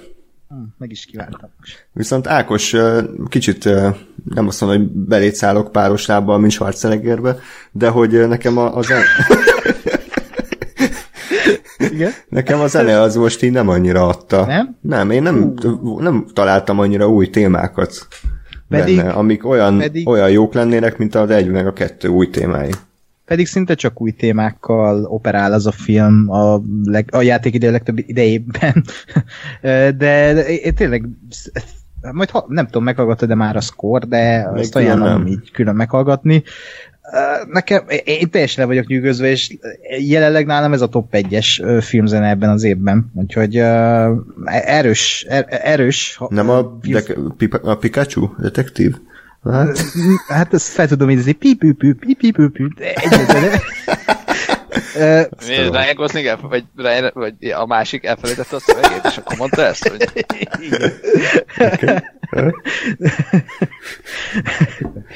De tényleg a John Powell az nagyon oda tette számomra legalábbis, és lehet, hogy az is hozzátartozik, hogy én ezt a filmet két héttel Prágába hallottam. Ja, hát ott volt a premierje, és ott tényleg, ahogy előadja egy nagy zenekar, azt az egészet, és, és érzed, és fú, és fel vagy készülve a filmre, és utána meg, amikor kijött a, a filmzene, akkor meg té- már, már akkor szél hallgattam, és nem tudom megunni, mert például a, a film alatt, amikor a, a, úgymond így randiznak a sárkányok, ugye egy be akar vágodni a Toothless a, a Light Fury-nél, és ott van egy ilyen nagyon hosszú szekvencia, ami Igen, végül is egy ilyen új Forbidden Friendship mm. uh, jelenet sor, uh, és ott az, az a zene is, az, az, az, az valami csodálatos. Az, és Pavel elmondás szerint az, az a szekvencia volt az, amivel a legtöbbet küzdött, hogy hogyan tudja úgy megoldani zeneileg azt a jelenetet, hogy közben elmesélje az ő történetüket, de ne legyen ilyen, ilyen minek mondják ezt, ez a tipikus rajzfilmes, hogy tudod, amikor így leesik a főszereplő a fára, és így ting tehát ez a igazi trezzene, úgyhogy szerintem csodálatosan megoldott a Pável, és fú, nem, nem. Ez nem lehet átalálni szavakat. Nekem talán az volt, lehet a bajom még, hogy iszonyatosan alul volt keverve, legalábbis az én mozitermemben, tehát ott, ott nagyon halk volt a zene, és egy csomó jelenetben így ordítottak a szereplők a dialógusba, viszont a zene az, azt alig hallottam, és lehet, hogy külön egy koncerten sokkal nagyobb hatást gyakorolt volna rám, de én kíváncsi lennék Gáspár véleményére is, aki mindig nagyon részletesen és mélybe menően tanulmányozza a zenei világát a filmeknek. Jaj, úgy érzem, hogy akadozik a netem, inkább lépjünk tovább. Ja, oké. Okay. Akkor tehát ajánljuk igazából a, az így nevelt trilógiát, nem tökéletes, de, de egy egyedik kis darab itt a animációs filmeknek a posványában. Jó, és akkor ha már, ha már itt tartunk, ugye a The Nick című sorozat második évadában ugye Clive Owen próbálja a drognak a, az ellenszerét valahogy megtalálni, tehát mondhatni, hogy How to Train Your Drog. Igen, és a trónok harcának a, a, a post-credit színje, meg amikor John próbál a sárkányjal közös nevezőre jutni a How to Train Your Drogon. Így van, ez teljesen ja. így van. I- igen, amikor Havas John belőle magát, akkor annyit mondta, hogy Drogon. Jó, szerintem ezt így kimaxoltuk, örülök. A Nick második évadáról nagyon sokat nem szeretnék elmondani, mert körülbelül olyasmi, mint az első évad, csak mindenben jobb egy picit, tehát pont jellegú movie jelentéte. Sokkal részletesebben belemegy a karakterek világába, olyan koncepciókat tár a szemem elé, amik bunkó módon eddig nem ismertem. Például ti hallottatok a Eulogy-ról? Eulogi? Mint micsoda? Mint ilyen társadalomkutatási tudomány, vagy akár ilyen orvosi tudomány ág. Tehát gyakorlatilag innen származik a Hitlernek a, a übermens elmélete, tehát hogy a, hogy a fehér emberek azok mindenek felett állnak, és hogy a, a feketéket, meg a különböző bevándorlókat, azokat mind kasztrálni kell, meg vazektómiát kell rajtuk véghez vinni, ahhoz, hogy a, az emberiségnek a tisztaságát megtarthassák, és és ez igen komolyan belemegy ebbe a sorozat, hogy ezt annó hogyan próbálták tényleg ilyen öltönyös, cilinderes emberek tudományként apostrofálni, és hogy a, a fekete, hát mondjuk, hogy főszereplő sebésznek milyen durva ellenszélben kell helytálnia. Úgyhogy ez egy nagyon-nagyon érdekes része volt a, a sorozatnak, hogy ebbe belement. Ezen kívül is egyéb tök jó dolgokat felhozott, mint például ugye a a plastikai műtéteknek a, az eredete, nem tudom, ezt meséltem el az els, el, előző adásban, hogy annó, hogy csináltak meg, meg például egy orplasztikát, vagy például a, a szifilisznek a gyógymódjára hogyan jön rá a, a főszereplő, hogy konkrétan maláriát ad be az egyik betegének, és hogy addig viszi fel a lázát, amíg a láz végül megöli a, a szifilisznek a vírusát, és végül azt próbálja ugye kininnel kezelni. Tehát, hogy tök, tök érdekes és tök jó ö, mélyen belemegy ezekbe a dolgokba, és azt kell mondjam Ákos, hogy hosszú-hosszú órák után végül megbékéltem a kedves Robin Hood színésznünk színészi játékával, tehát a bamba fejjel a semmiben nézés az itt kivételesen működött, mert egy olyan karakter. Mi, miért itt ha, meghalt és Hát mondjuk, mondjuk, hogy sokszor állt drog hatása alatt, és hogy ezt, ezt nagyon jól ábrázolta a színészileg, ah. tehát hogy Szerintem nem is tudott róla, hogy jelenet van, csak nézett ki a fejbe, és akkor gyorsan Soderbergh oda ment, és akkor felvette a kis iPhone-jával a, a fejét. Igen, catering pultnál valami olyat evett, és aztán most vegyétek, most vegyétek.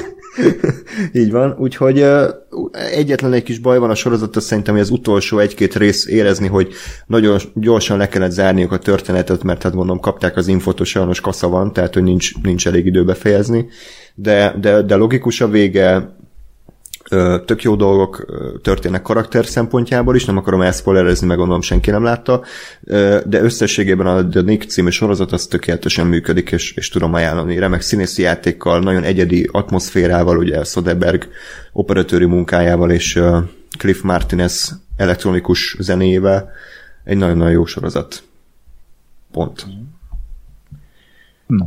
Majd elkezdem. Még rövidebben, de tényleg csak ajánlás szintjén ugye az HBO most fut a Chernobyl című sorozat, ami a két rész alapján azt kell mondjam, hogy, hogy az egyik legjobb HBO sorozat, mert mert iszonyatosan realistán és, és naturalistán mutatja be az eseményeket, alig van benne pátosz, hatásvadászat, de ugyanakkor mégis sokkoló, és mégis nagyon a, a bőröd alá bekúszik ez az úristen, mi a fasz történt itt, és hogy mekkora katasztrófa lehetett volna és az, hogy tényleg ez Craig Mazin hozta össze, a horror akadva 2-3-4 forgatókönyvírója, tehát az az nagyon, nagyon durva, azok a Craigi szép idők, ugye?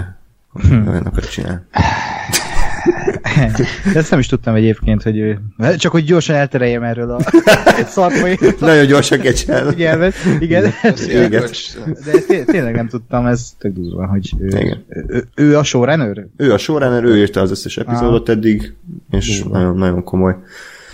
Úgyhogy ajánlom brutális. A, a második résznek a vége az konkrét olyan, mint valami horror egyébként, tehát az, az nagyon kemény egyébként, úgyhogy ajánlom Csernobilt, majd lesz róla kibeszélünk, ha lement az évad. Ez egy minisorozat, hála Istennek, tehát csak öt rész lesz az egész, és tök jó színészgárda van benne, Jared Harris, Stellan Skarsgård, Emily Thompson, vagy Emily Watson, sose tudom. Emily Watson szerintem. Ő volt a üzébe a Panzsanak Club, ugye? Igen. Jó, igen, úgyhogy Csarobi. Emily Thompson szerintem az Emma Thompson, de... Az e, igen, igen, igen.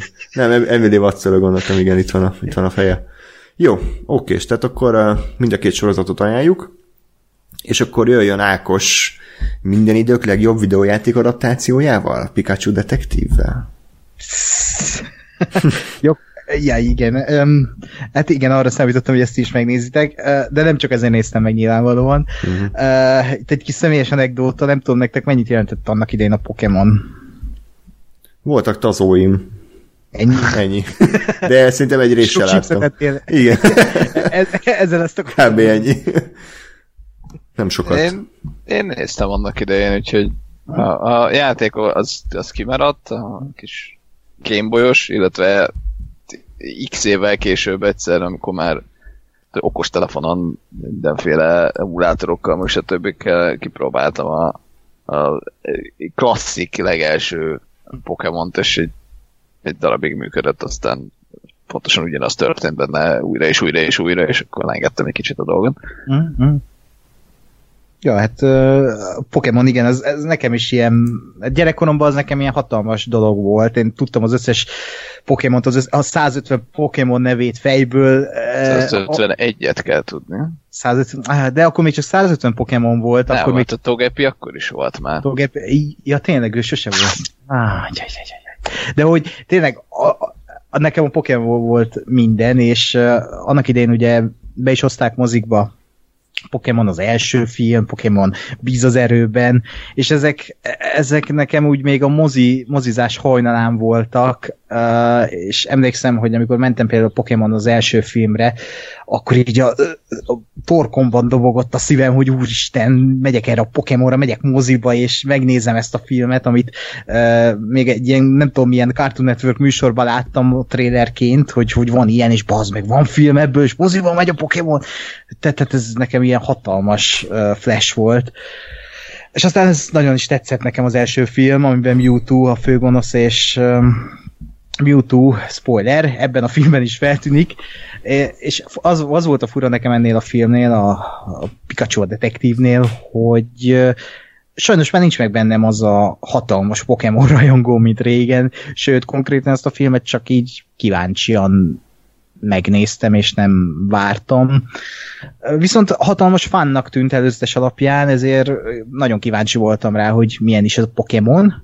Elmentem rá, és hát nem lett jó annyira, de a fura, hogy nem is lett rossz. Tehát nagyon kis kedves film, kedves történetet visz végig, ami, amit elolvastam a, a Detektív Pikachu játéknak a sztoriát, és körülbelül ugyanez, ami a filmben van, és tök adaptálták így olvasatra. Uh, ugye arról szól, hogy van egy, egy fiú, akinek meghal az apja, és egyszer csak feltűnik Pikachu a szobájában, az apja szobájában, és elkezd hozzá beszélni, és csak ő érti meg ezt a Pikachu-t, és meg kell oldaniuk egy nagy rejtét, hogy miért halt meg a fiú apja. És itt igazából már bejön az a probléma, hogy ez a film nem tudja, hogy most gyerekeknek akar-e szólni, vagy az idősebbeknek, akik uh, annak idején a Pokémonnal nőttek fel.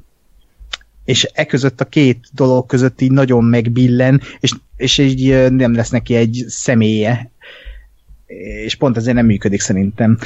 Amellett, hogy még nem is szórakoztató a Pikachu szerintem, kurva fárasztó, szegény Ryan Reynolds.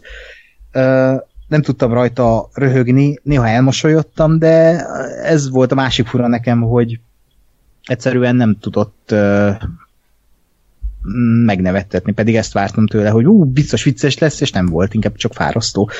Uh, a film az meg a második felére teljesen elszáll, miközben egy tök jó kis nyomozós sztorit pigyeszt nekünk oda, aminek nem számítottam a végkifejletére, tehát meg is lepődtem, és ezek nagy pozitívumok a filmtől, hogy ezt el tudták érni, viszont a gyerekeknek ez rohadt száraz és rohadt unalmas lesz,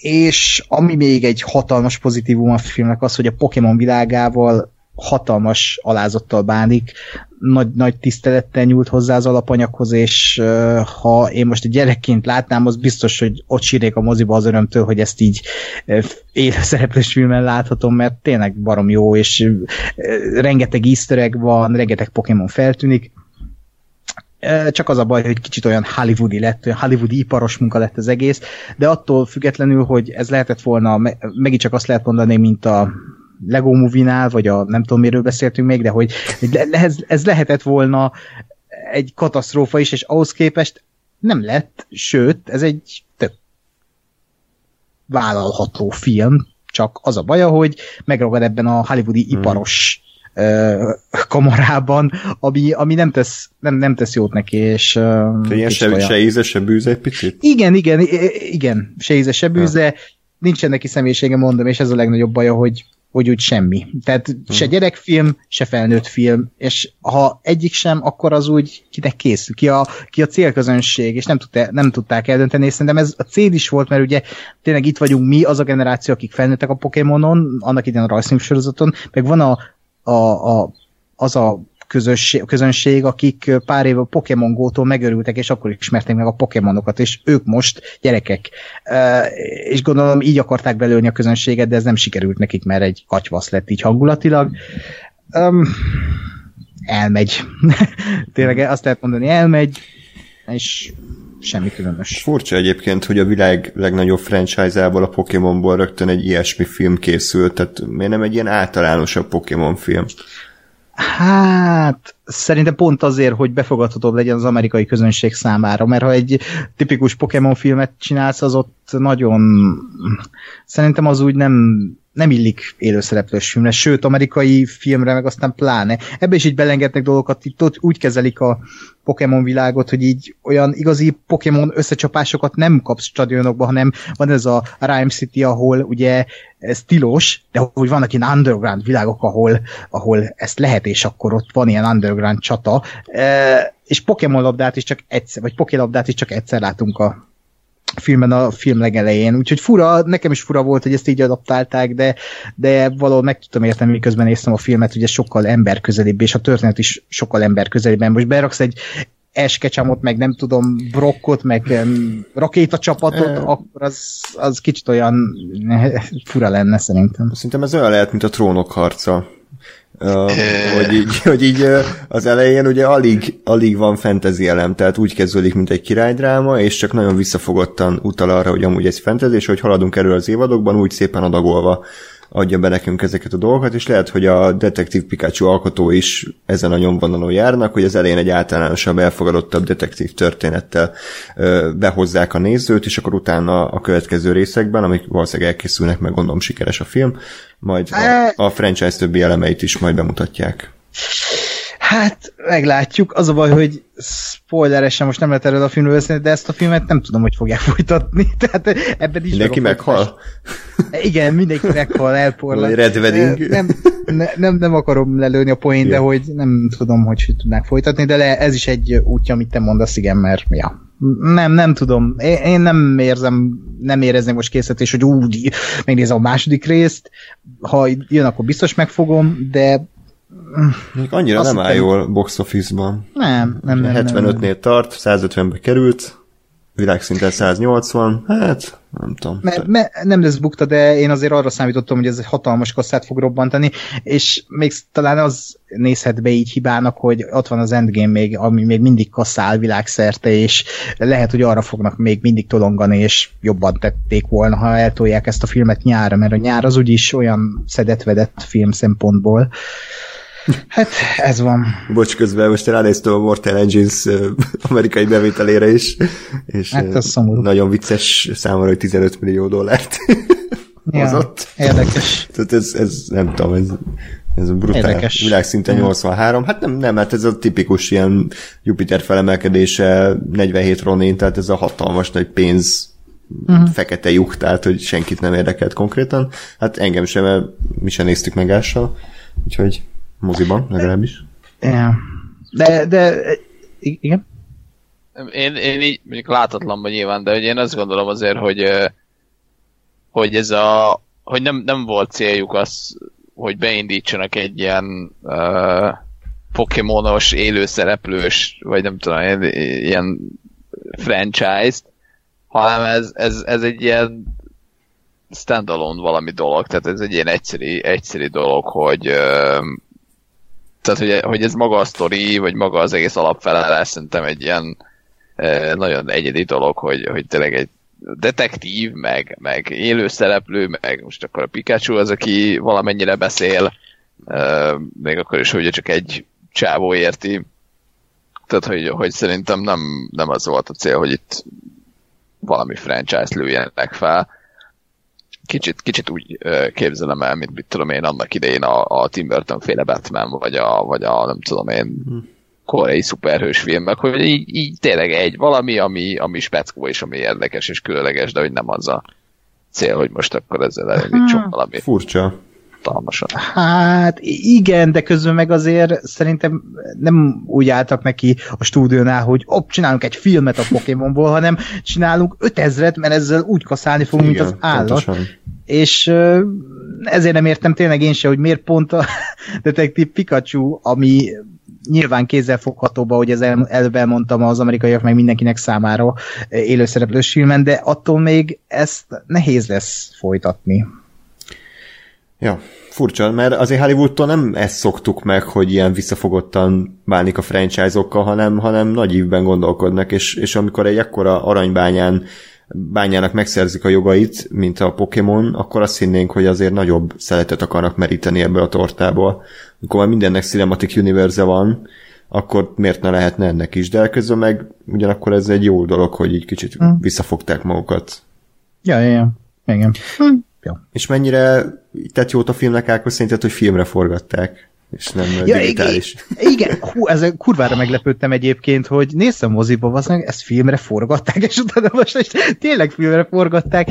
Uh, nem, én, én az ilyenekre nagyon tudok geeking outolni, amikor így felismerem moziba, és oh, hogy néz ki. De miért? De hogy de nem tudom egyébként a művészi koncepciót, hogy miért pont a Pokémon forgatták filmre én mindig tudok örülni, mondom, ha a filmre forgattak valamit, mert hmm. azért az észre lehet venni, és azért az, az olyan zsgeribb, még ha kis, tényleg semmit nem ad, de hogy úgy, hogy úgy azért érzed a filmet. Uh, nem tudom, miért kellett forgatni. Nemes, nemes, nemes jeles. Van, igen. nemes jeles. Uh, nem várt szövetséges talált. A Pokémon Pikachu detektív. Igen, ő volt a rendező asszisztens. Igen. Vagy Tarantino. Igen. Ugye, a triumvirátus, Igen. a Nolan, a Tarantino, meneseles odállt, és akkor mondták, hogy figyelj, ezt filmre kéne Rob Letterman film. Ja, ja, teljesen el, el, felfoghatatlan, és volt egy ilyen kis kakasfiadal is a, a Sonic operatőre és a Pikachu operatőre között, hmm. hogy akkor melyiknek szebb a filmje, úgyhogy hát ez a, ez a minden, pofon, minden pofon jó helyre megy kategória szerintem, intézzék ezt le egymás között. E, igen. Ja, és még annyit akarok mondani, hogy e, szerintem ez az eddig legjobb videójáték adaptáció, és még ez erre se lehet azt mondani, hogy olyan nagyon jó film de és ez tök sokat elmond a videójátékok hmm. adaptálásáról Hollywoodban szerintem. Én lehet, hogy azt mondanám, hogy ha, ha megnézném, hogy valószínűleg ez a legjobb videójáték adaptáció, de nekem a Silent Hill akkor is jobban tetszett. Ú, igen, azt még nem láttam, lehet, hogy ezt kell most így kijelenteni. Na, mert ott pont Roger Avari írta a forgatókönyvet, akit pár napja fikáztunk, de, de az, az képileg, meg rendezésileg az, az a legjobb videójáték adaptáció, mert, mert elképesztő hangulata van. A eredeti játék zenét használta, ugye Christoph Gans rendezte, aki a Farkasok Szövetséget is, gyönyörű az operatőri munka, tehát az, az hatásilag sokkal erősebb lehet, viszont ott meg a, hát a forgatókönyv, ez, ez nem, nem annyira karcol, hogy mondjam. Hmm. Sokan a Mortal Kombat egyet mondják, mint a legjobb Aj, videójáték. Az az elfogadott Igen. legjobb videójáték adaptáció így átlag néző szintjén szerintem, igen. Hm. Jó, na minden esetre ez volt tehát a Detektív Pikachu, és ha már videójátékoknál tartunk, akkor Ákos szeretnél esetleg pár mondatban a The Last of Us-ról mesélni nekünk, mint ugye, amiből már ugye kinőttél, meg ez egy dedó. Igen. De néha jó feleveleríteni a gyerekkoromat. jó újra gyereknek érezni magad. Igen. Miközben zombikat lősz szét, meg embereket versz pofán. Igen, morális dilemmák elé állít hmm. a játék, igen. igen. Gyerekkoromban is mindig ezt éreztem. igen, kiátszottam a Last of Us-t. Mondtam már podcastban, amikor a videójáték zenékről beszéltünk, akkor mondtam, de lehet, hogy sokan nem hallották, hogy én annak idején megnéztem a Last of Us, mert valaki csinált belőle egy ilyen minisorozatot, 8 részes minisorozat, és úgy ö, vette fel a, a srác, aki csinálta, hogy úgy tényleg meglegyen ez a cinematik, dramaturgiai pörgése, de hát a, a játék is önmagában egy nagy film. És ez tök jó volt megnézni, és akkor mondtam azt, hogy ez a legjobb film volt, ami nem film.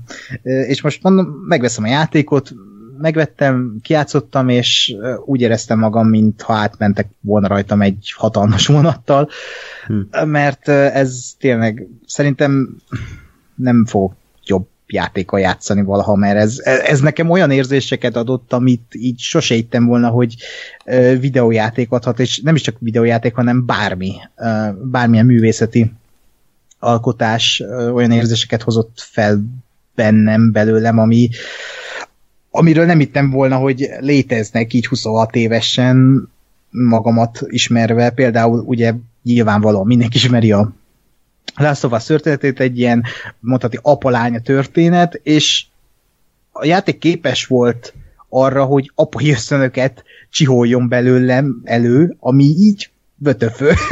Nagyon hm. meglepődtem ezeken a dolgokon, és uh, arra meg nem is beszélek, hogy olyan sztoria van ennek a játéknak, és olyan dialógusai, és olyan kis apró momentumai a karakterek között, karakterinterakciók között, hogy, hogy így, így e, teljesen elolvattam tőle, és szenenes voltam minden egyes pillanatában, és uh, vitt magával vég a játék, és én nagyon szeretem az olyan uh, dolgokat, amiben ugye apokalipszis van, vannak zombik, meg minden, de hogy nem a, nem a szörnyek a szörnyek, hanem az emberek a szörnyek, és ez a Last of Us is körülbelül erről szól. És nem, Walking Dead képregény. igen, vagy a Walking Dead képregények, vagy a sorozat. Hey, készítők a szörnyek, hogy ezt a fostalicskát még mindig képesek. A, a Walking Dead sokkal jobb, mint a trollok harca. Jó, igen, mélyebbek a karakterek, igen. igen. Jó, oké, okay, lépjünk tovább. Ne, ne tégy fel a sebeket.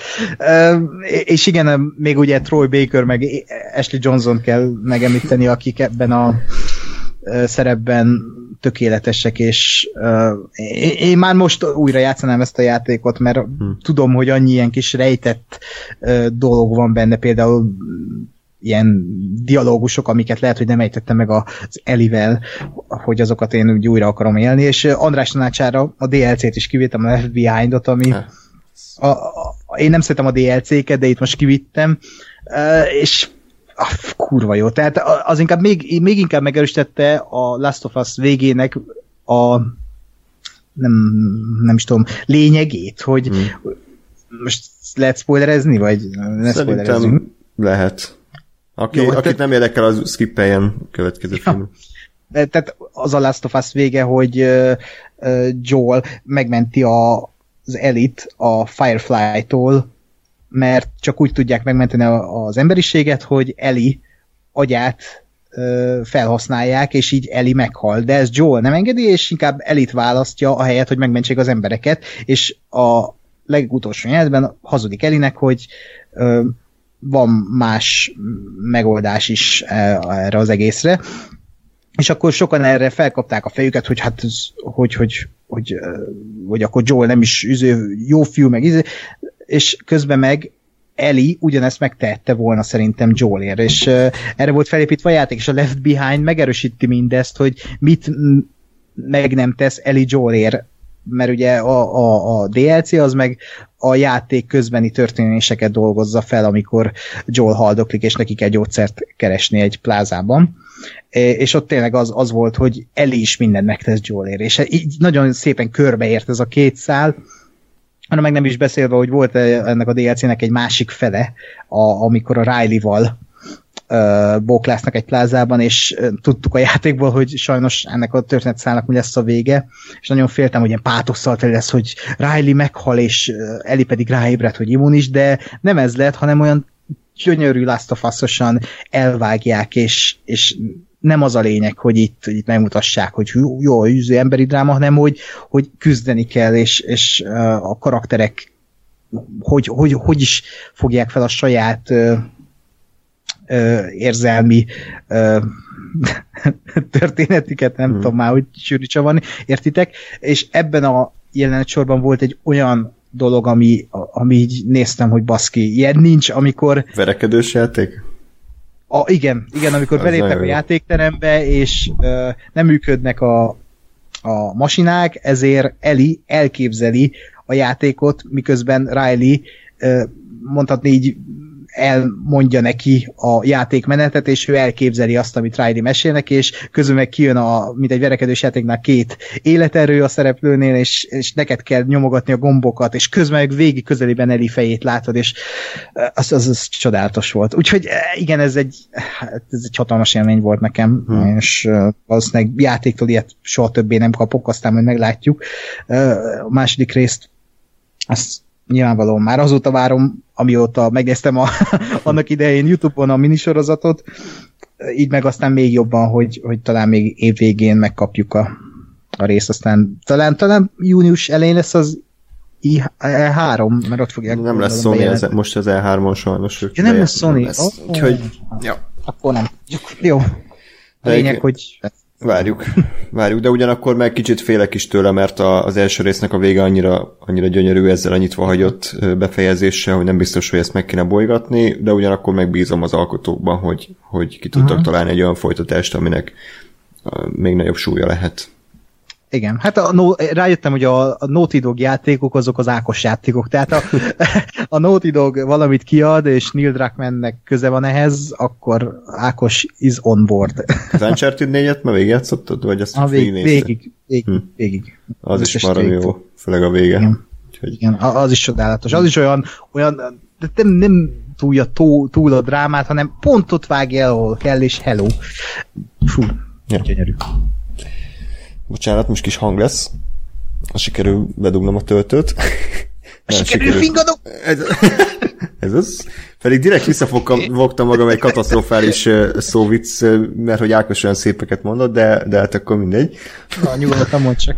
Nem, hát ugye van ez a zsáner, ez a, amikor a posztapokaliptikus világban egy ilyen, egy ilyen idősebb karakter, egy fiatalt óv meg, tehát ugye The Road, meg a Logan, ezek, és akkor ezek lehetnek az apokaliptikus filmek. Oh.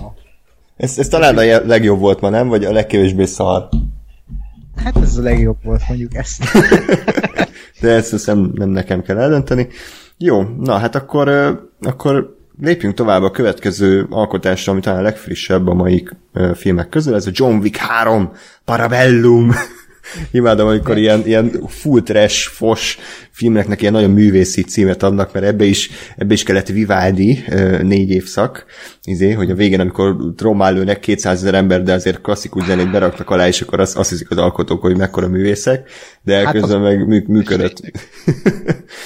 Um, szóval a John Wick trilógia szerintem a 2000-es évek egyik legszórakoztatóbb akciófilm sorozata, mert uh, pontosan tudja magáról, hogy, hogy, hogy mit akar, és hogy mit várnak el tőle a rajongók. Tehát a John Wick első része az működött, mint egy viszonylag egyszerű alaptörténet, hogy egy volt bérgyilkos visszatér, mert megölik a kutyáját, és ezért ő mindenkit szétlő. Tehát ez egy olyan alaptoposz, amivel szerintem mindannyian tudunk azonosulni.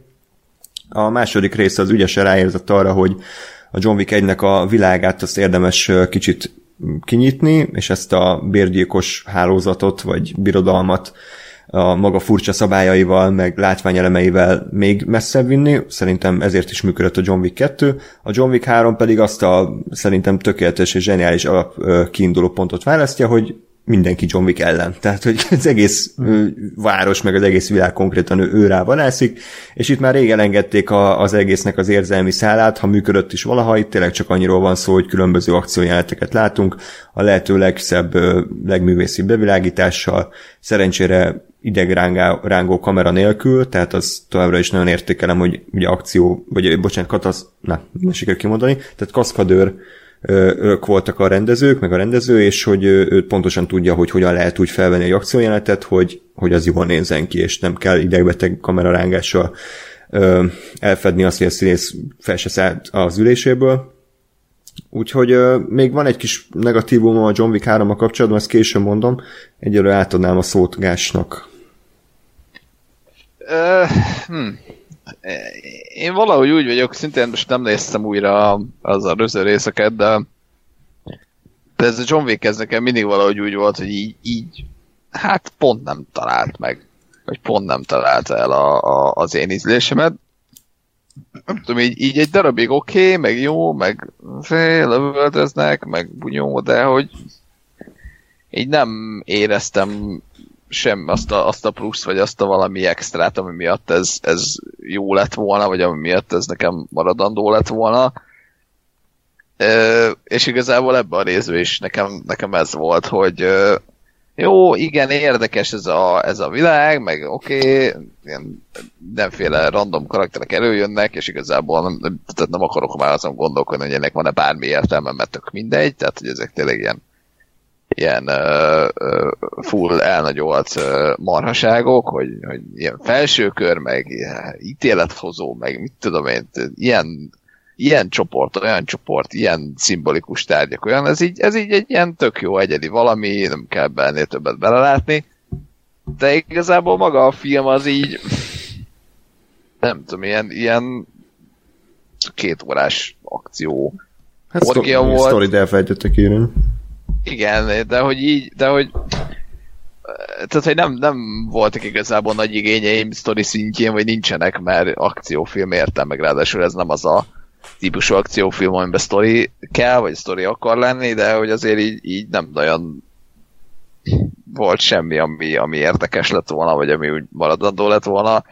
Pláne, hogy a, a, a film végére igazából minden visszaáll az eredeti felállásba körülbelül, tehát ö, ö, igazából semmit nem mozdul, semmilyen irányba se semmi, de én azért két órán keresztül néztem. Ö, úgyhogy, úgyhogy ez szerintem tényleg egy olyan film, amire így elmegy az ember, megnézi, és aztán ott, ott hagyja azt a két órát a moziban, és kész. Tehát nem, nem ad szerintem ennél többet, nem maradandó, nem egyedi, hanem így, így lemegy, és így ilyen oké, okay, jól szórakoztam, kösz, csá. Hm. Hát én, ahogy Twitteren is írtam, engem ez a film boldoggá tett, ami azért fura, mert minden másodpercben embereket lőnek fejbe, és én rólam tudni kell, hogy hatalmas akcióbuzi vagyok, tehát ha egy jól elkészített akciójelenettől én már, én már meg vagyok, és ez a film egy hatalmas akciójelenet, ami kb. a Jackie Chan filmeket jutott eszembe, amin felnőttem, és az, hogy igen? Isten káromló kifejezéseket tett, vagy megint nyilatkozásokat tesz el. Folytasd! Igen. ha John Wick 2, amikor összenéztem pont veletek, akkor uh, annyira nem tetszett, de aztán így megbékéltem azzal, hogy jó, ez egy ilyen világ, ahol mindenki bérgyilkos.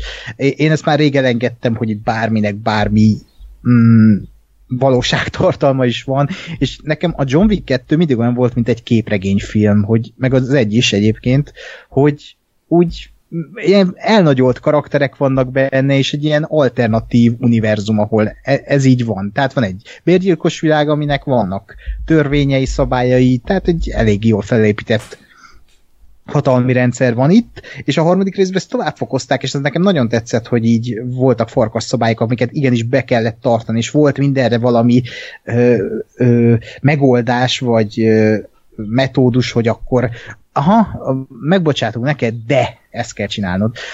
És a film tényleg szint, a, a sztori csak azért van, hogy John Wick eljusson az egyik akcióból a másikba, és nekem ez elég volt. A, a rendezők felismerték azt, vagy a rendező felismerte azt, hogy, hogy ebben nem kell több. Ha ez jól van prezentálva, és tényleg nem veszi magát komolyan, és megtalálja a közönségét, akkor ez az akciófilm. És régen se szóltak másról a, a hétköznapi akciófilmek arról, hogy van egy nagyon kis picike történet, és akkor azt ö, hogy valósítjuk meg. Na, a John Wick az úgy valósította meg, hogy így, ma, így, így megnyaltam az ujjaimat, hogy jaj, te jó, és imádtam, tehát vannak benne olyan dolgok, amiket így e, nem kellett volna, de ez, ez kb. csak annyi, hogy nem kellett volna, hogy ne zárják le, mert ez nagyon fájt, hogy például így még ezt, ezt se zárták Igen. le, és Igen. akartam, hogy lezárják, de nem zárták le, tök mindegy. Ez egy remekül felépített akciófilm, ami tényleg az igazi zsigeri, ott van a színész, széjjel verik egymást, érzed minden ütését, kreatívan kibővítették az összes akciójátet, van itt lovas üldözés, kutyás üldözés, kutyás szétszabás, motoros, ecsnittes, szamurájkardozás, olyan dolgok vannak ebben a filmben, hogy így elájultam, hogy én ezt láthatom, és... A késes e, leszámolás az... Például az, az a kedvencem ebben a filmben, a késes leszámolás az, fú, az a film elején van, de az úgy van megkomponálva, olyan ritmusa vannak a jelenetnek, hogy így, hogy így bazzeg, e, ez, ez igen, hogy így, ilyet összehoznak, én és ezt moziban láthatom, és az egész film ilyen. És nem, nem hittem el, hogy ezeket így megcsinálta a stáb, és Keanu Reeves, akinek a legnagyobb pacsi, hogy ezt így ennyi évesen, 54 évesen be tudja vállalni. Nekem nagyon, de nagyon, de nagyon tetszett, és alig várom, hogy újra nézem moziban, mert én ezt most, most rögtön újra akarom nézni. Hmm. Sokkal jobban tetszett, mint a második rész, sőt, én még megkockáztatom, hogy sokkal jobb, mint az első rész is. Egy kicsivel talán az első rész alatra mondanám, mert az egy ilyen kompakt sztori volt, nem akarták folytatni, és ha ez is egy kompakt sztori lett volna, amit lezárnak, azt mondom, hogy ez egy, ez egy zseniálisan tökéletes film, de így csak azt tudom mondani, hogy ez a 2010-es évek egyik legjobb akciófilmje, így a Mission Impossible meg a Mad Max mellett.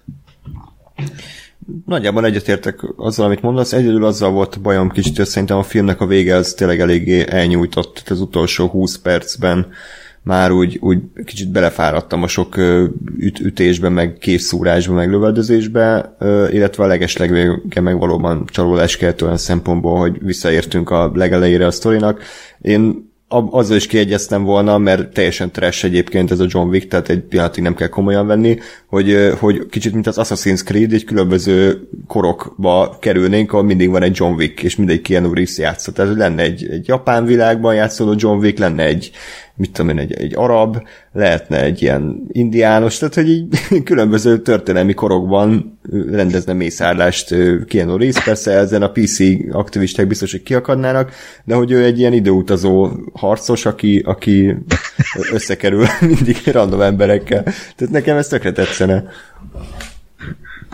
Mert hogy, mert hogy megnézném ezeket a akciórendezőket, hogy mit kezdenek tényleg mondjuk egy szamurájos témával, vagy mit kezdenek mm. egy, egy egyiptomi környezetben. Úgyhogy, mm. ja. Ennyi. E, és még annyi, hogy Magda Kaskos ist imádtam. Kurva jó volt, igen. Egy fanboy. a, igen, egy fanboy volt a főgonosz, és a, a, ez a kis apróság annyi személyiséget adott egy főgonosznak, de közben meg egy tök sablonos főgonosz volt, csak hogy így egy fanboy, aki így imádja John Wicket. Eh, nagyon, meg Mark Dacascosnak a kisugárzását amúgy is így, így valahogy így nagyon átjön a filmekből, tehát ez nagyon jó volt ő főgonosznak. Ja. Gásper, tudod ki a Mark Dacascos? Most így rákerestem, mert annak idején, tehát hogy így nem raktam össze, hogy a, egyébként szerintem teljesen elfogadható japán csávó, az egyébként kurva nem japán. Mert hogy így, így, így a név az megvolt, hogy igen, ilyen klasszik izé, teres akció sztár, csak nem, azokat nem néztem annak idején. És aztán már a, a stáblistán így néztem, hogy ki faszomat játszottak, ki volt ebben a filmben Mark Dacascos? Most aztán most látom, úgyhogy uh, ja, oké. Okay. És ő, őt egyébként miből lehet leginkább ismerni? Hát szerintem a Forkasok Szövetségéből ismerik Aha. az emberek legtöbben. Aha.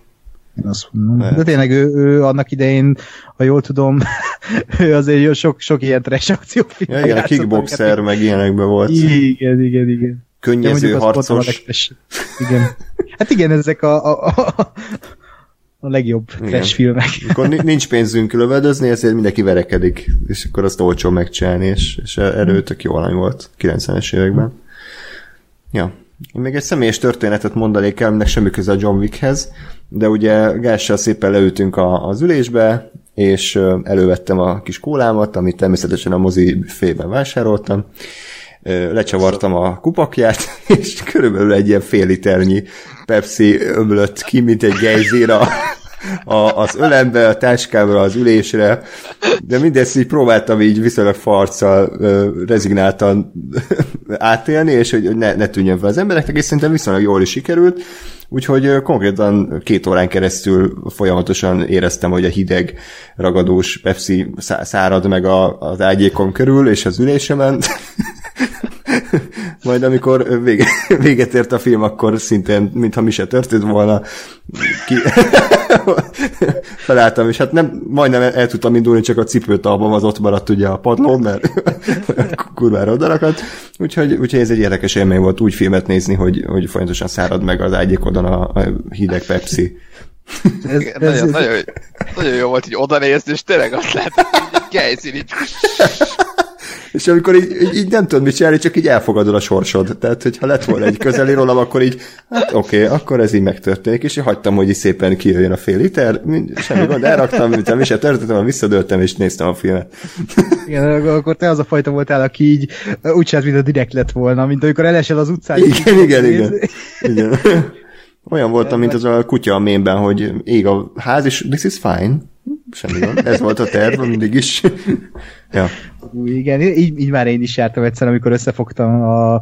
Én, én nyilvánvalóan a moziba vettem meg a kis nagy bödöm kólámat, és akkora volt, hogy nem tudtam összefogni egy kézzel, de én film közben megfogtam egy kézzel, és így elengedte a tetej, és így összenyomtam, és így az egész kóla így rám. és kb. én is ugyanígy közben film alatt végig ragadtam, és néha azon vettem észre, hogy nem tudom mozdítani a lábam, annyira oda ragadt a padlóhoz. El voltál ragadtatva a filmtől, de Itt nem igen. a film miatt. Igen, ez a Tomorrowland volt, emlékszem, úgyhogy...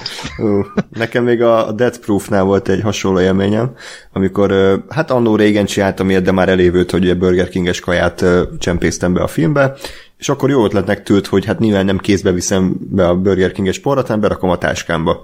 És amikor kezdődik a film, és nyúlnék be a táskámba, akkor egy ilyen, ilyen ismét Pepsi-be nyúlok, tehát ilyen állóvízbe nyúlok, és akkor valahonnan így kihaláztam a sajtburgert, és akkor a Pepsi-vel átáztatott sajtburgert ettem a film alatt. Nagyon érdekes íze volt.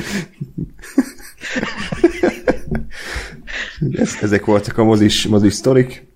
Aztán még utána a teremből kijövet kiborított a maradék kukoricát, és biztosan, hogy biztos a padlóra. Nem volt a legsikeresebb mozilátogatáson.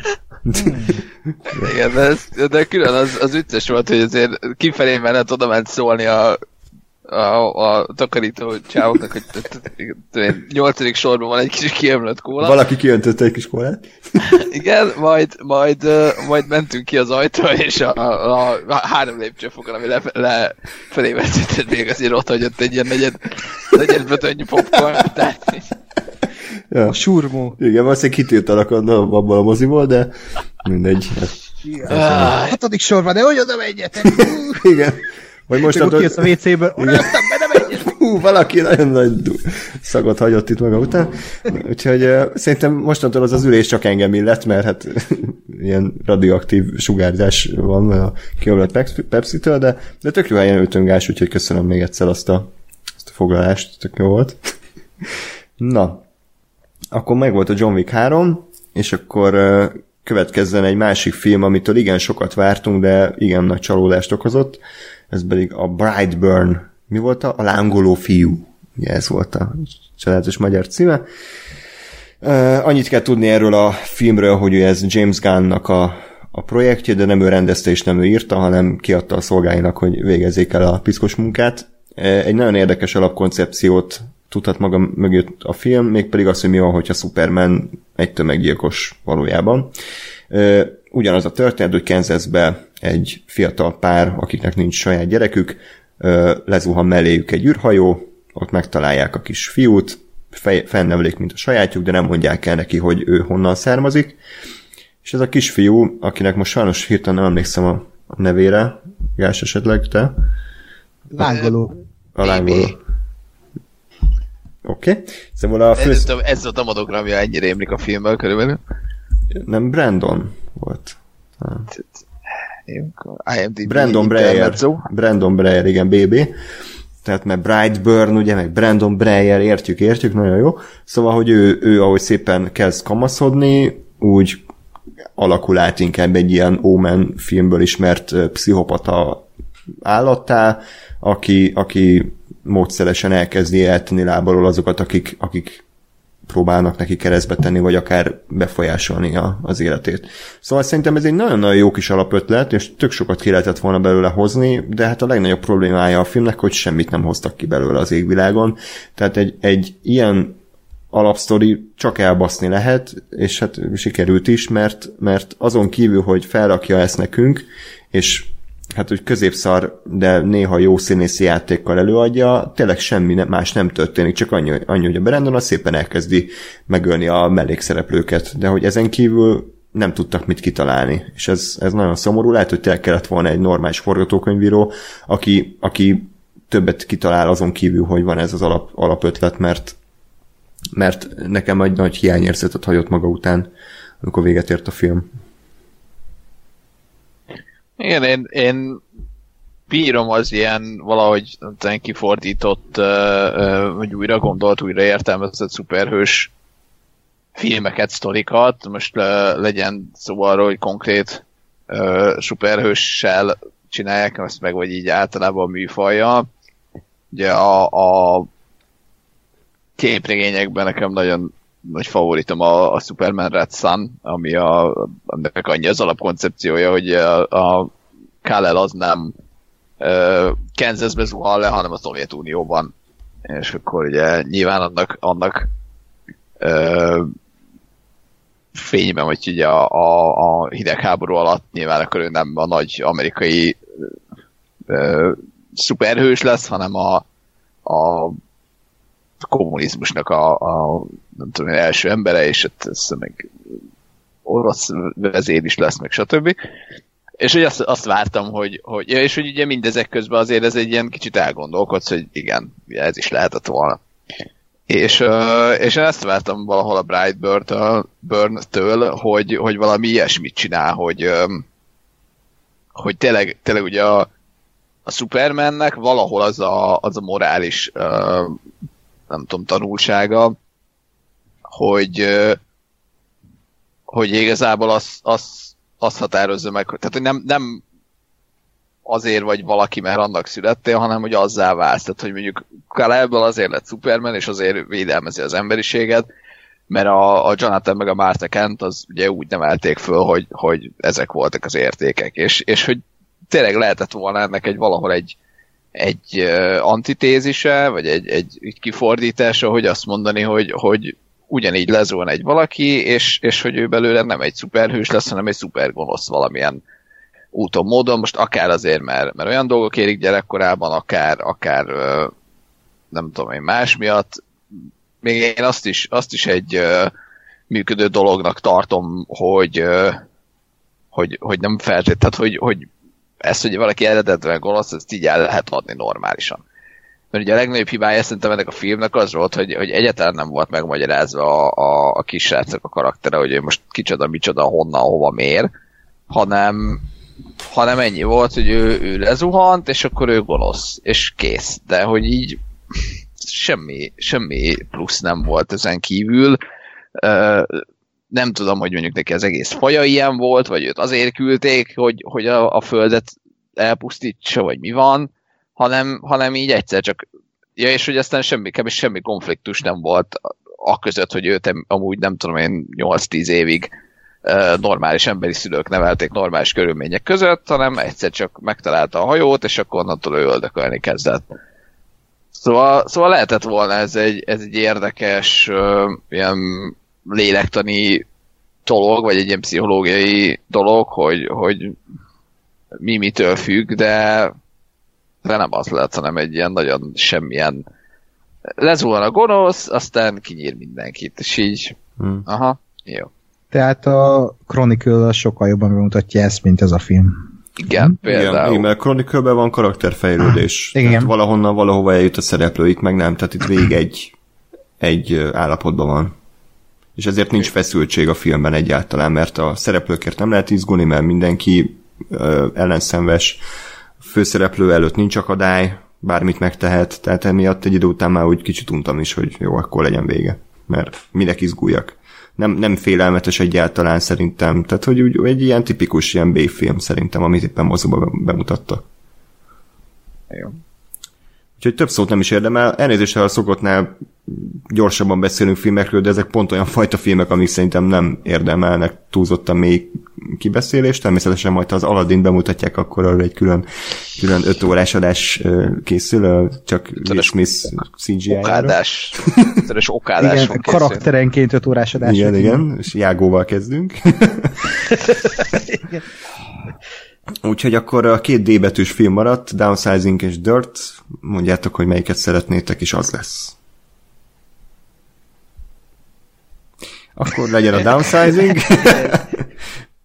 legyen tehát a Downsizing, ugye ez Alexander Payne filmje, ami hatalmasat bukott mindenhol. Szerencsére nagyon örültem annak, hogy bemutatták, mert az előzeteset kb. 15-ször végignézhettem, és már kurvára idegesített, és örülök, hogy a film bemutatása után nem kell többet vele szembesülnöm. Viszont amikor megnéztem a filmet, akkor meglepődve tapasztaltam, hogy ez mennyire más, mint a trailer. Tehát a trailer az úgy állítja be, mint egy tipikus ilyen feel good amerikai családi vigyáték, hogy jaj, mekkora poén, hogy egy kicsi lettem, és akkor így uh, új kalandokba kerülök, meg ha-ha-ha, hatalmas vodkás üvegből iszom, meg bla bla bla, de aztán a film az körülbelül felétől egy teljesen más irányt vesz, és átmegy egy ilyen geológiai, globális mentsük meg a Földet hadműveletbe, ami szerintem nem átúzott jól neki, és a szerelmi szál is erőltetett volt. Azért beszélek ilyen általánosságban, mert kurva régen láttam, tehát körülbelül akkor, amikor megjelent ugye DVD-n, úgyhogy uh, átadom inkább a szót uh, Gáspárnak, akinek ez egy friss, friss élmény. Relatíve. Ö, ö, igen, így, így érdekes alapszitu volt, ugye, ugye az a lényeg, hogy kitalálják a, a tudósok, hogy a, a föld megmentésére az a, az a az egyik módszer, vagy az a módszer, hogy, hogy az embereket kicsire össze kell zsugorítani, mert akkor sokkal kevesebb pénzből is ugye Uh, ugyanazt az ellátást, sőt, ugye még jobb ellátást lehet nekik biztosítani, ami ugye kevésbé környezetszennyező, meg stb. stb. stb. Uh, ami egy ilyen érdekes alapvetés, inkább tényleg egy ilyen végjátéki uh, gondolat. Uh, és aztán így úgy kezdtem el nézni a filmet, hogy jó, oké, de hogy mi lesz a konfliktus, vagy mi, mi, mi, mi lesz ebbe az érdekes, és aztán spoileresek leszünk, és ugye az első fordulat az az, hogy a ugye a felesége a, a, a, a Matt Damon karakterének, a, ugye menet közben meggondolja magát, és, és már is van köztük egy ilyen törés, hogy a, a Damon ugye összemegy, és beköltözik ebbe a, a nem is tudom, mi, mi, minek lehet ezt nevezni. Kó, kó, kó, kó nem, nem, van milyen. Kolónia. Kolónia. Mondjuk. E, nem erre a szóra gondolok, de mindegy.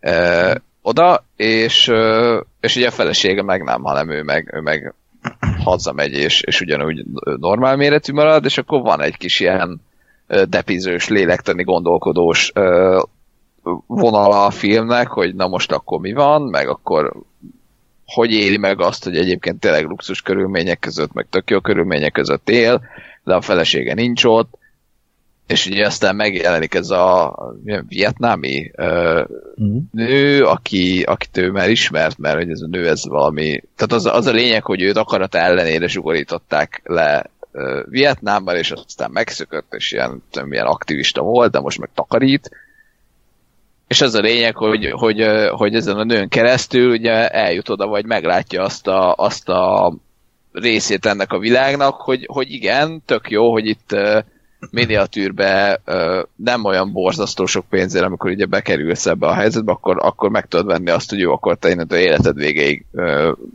nagyon jó körülmények között élhetsz. De hogy azért az csomó, csomó mindenki van itt is, aki, aki nem engedhette meg ezt magának, és ugyanúgy ugye ö, tudom én, ö, közép- és dél-amerikai, meg egyéb ö, bevándorlók a, a munkások, ők ugyanúgy kb. nyomorognak, ilyen ugyanez a város szélén, nagyon sokan élnek nagyon kis helyen, és hogy, és hogy tulajdonképpen ugye egy dolog, hogy mondjuk a környezetet megmented azzal, hogy lekicsinyíted az embereket, és és kisebb a, a, a szemét, meg a, meg a károsanyag kibocsátás, meg minden, de hogy ugyanakkor még mindig a pénz vezette ezt az egészet, és hogy az ember emberi oldalát azt meg nem nagyon sikerült megváltoztatni. Ö, és aztán vesz az egész film egy ilyen óriási kanyart, és kicsit így minden akar lenni, úgyhogy Ákos átadom a szót, mert már nem kapok levegőt. Ez tök jó, mert én is akkor láttam ezt a filmet, amikor megjelent így mindenféle hordozón. Hát igen, innentől vesz egy olyan kanyart ez a történet, hogy vége lesz a világnak, és egy ilyen világ vége film válik a történetből, és elutaznak a főszereplők Norvégiába, vagy valami skandináv yeah. országban, és ott ott is van egy ilyen külön kolónia, ahol azt hiszem, tudósok vannak, vagy mindenféle ilyen, vagy olyan emberek, akik tudja, hisznek abba, hogy eljön a világ vége, és úgy próbálják túlélni, hogy bezárkóznak a föld aljába, és hogy ott kivárják, míg elpusztul a világ, és akkor nem, o, o, az, azt, hiszem, az, azt hiszem az a céljuk, hogy ott lent is van világ, amit tudnak, vagy van föld, amit tudnak termelni, és kibírják addig, amíg újra tudják élni az igazi világot, vagy valamilyen hasonló. A lényeg az annak az egésznek, hogy kurvára nem erről kellett volna szóljon a film. Tehát olyan dolgokat tesznek bele ebbe a filmbe, amik ellentmondanak a film első felének, mert szerintem a koncepció tök jó a film első felében, hogy ö, úgy ö, próbálják megoldani a túlnépesedést, hogy legecsnyítik a, az embereket, és egy ilyen mini kolóniákat hoznak létre, ami, ami már önmagában szerintem kitesz egy egész filmet, és egy, egy tök jó koncepció, ha ezt jól írják meg, és az is szerintem egy tök jó konfliktus, hogy hogy, a, hogy férj és feleségként vágnak bele, majd a feleség eltávolodik ettől, és a férnek egyedül kell érvényesülnie ebben a világban. Mert ha jól emlékszem, neki nem is volt annyira célja, vagy lehet, hogy erről rossz emlékszem, na mindegy. Uh, és az egész uh, filmben így nem e, ez is olyan, mint a Pokémon, hogy így nincsen neki személyisége, mert nem tudod, hogy mi akar lenni és én, én már nem is emlékszem, hogy mi a végkifejlete ennek a filmnek. Mi a végkifejlete Gáspár ennek a filmnek? ja, az, az, az ugye, hogy na, tehát ez az egész, egész föld alatti kolónia, ez, ez tényleg annyi, hogy, hogy a, a, a tudósok már látják, hogy, hogy uh, ennek az egész, tehát hogy ez a kicsinyítés is túl kevés és túl későn, tehát hogy már úgyis vége lesz a földnek, és akkor ugye szokásos, hogy bevonulnak a, a föld alá, ott el vannak, mit tudom, hány ezer évig, és aztán majd előjönnek, amikor megint élhető lesz a dolog, és ott hirtelen ilyen, ilyen öt perc alatt a Matt Damon úgy hogy ez tök jó ide, én is be, be akarok Igen. menni, és be is fogadják, tehát hogy ez a mi a fasz. Igen. Jó, oké. Okay. Um, de aztán ugye az utolsó pillanatban meggondolja magát, mert mégiscsak a, a vietnámi nő az nem megy be vele valamiért, és aztán kijön, és nem tudom, én visszamegy vele a, a, a eredeti helyükre, és akkor ott inkább segít a, a nem tudom én, féllábú bácsiknak, ennyi. Hmm. Érdekes. Én, én bevallom őszintén a vietnámi nőt nagyon szerettem ebben a filmben. Ő tök jó volt. Ő tök aranyos karakter volt. Uh, mindenki más én annyira nem. Matt Damon a szokásos Matt Damon karaktert hozza szerintem. Christoph Waltz meg a... A Christoph Waltz tök jól indult, aztán így az ő karakterét le minimalizálták ilyen háttérdíszletté. Uh-huh. Hát ilyen, ilyen semmi, semmi tehát ő is ilyen sehova sem futott ki, mert, mert elindult ilyen érdekesen, hogy elindították azért azt a azt a szállat, ami, ami szerintem tök jó volt, hogy igen, lekicsinyített világban bármi, ugyanez, hogy bármennyire is luxus, de azért ugyanúgy ott van, hogy akkor seftelgetünk, meg ezt igen. behozunk, meg azt behozunk, és aztán igazából annyi haszna volt kb., hogy, hogy ő segített eljutni nekik Norvégiába, és kész. Tehát ott, és ott is így állt a háttérbe, és így semmi értelme nem volt, hogy ott van. Igen. Hm. Akkor ennyi? Hát, igen. Ez is az a film, ami tök jó alapötletre épült fel, mint a Brightburn, de aztán végül nem tudták nagyon kiaknázni ezt a lehetőséget. Ez viszont túl sokat Igen. akart, tehát lehet, hogy ezzel az a baj, hogy a Brightburn ugye az, annak semmi ötlete nem volt, hogy mit csináljon, ez meg túl sok mindent akart egyszer, és emiatt szét, szétesett. Hát igen, csak egy Alexander Payne-től nem ezt várná az ember. Meg a másik, amit mondani akartam, hogy ez, a film olyan szerintem, mint egy kevésbé agybaszó vihar előtt vagy Henry könyve. Elindul a film valahogyan, arra számítasz, hogy erről fog szólni, majd egy ilyen huszárvágással nem erről szól, és egy teljesen más, ami, aminek semmi köze a történethez elkezd szólni a, a, egy olyan dologról a film. És minek? De, de szerintem nem rossz filmes sem, csak úgy nem hát azért elég rossz, szerintem. Hát én nem szenvedtem rajta, hm. tehát azért rossz filmtől szerintem messze van ez a film, viszont az, hogy nincsen, vagy hát, hogy ilyen kaotikus, hogy nem tudja, mi akar lenni, ezért azt sem mondanám, hogy jó film, de így nem tudom, ilyen semmilyen erős közepes, ami káoszba megy át. Igen, tényleg így, így nem, ne, nekem se fájt, csak így néztem, hogy így jó, akkor most másról szól a film egy kicsit, még lehet jó, és aztán a végére egy kicsit túl sokat akart, uh, mindenről akart szólni, és aztán egy, tudom én, pofára esett azzal, hogy minden hmm. el, elértéktelenedett, meg elsúlytalanodott, de nem, nem mondanám, hogy megéri megnézni, de hogy nem, nem is mondom azt, hogy ez egy ilyen moslék. Úgyhogy. Uh-huh. Nem annyira mocskos film. Yeah.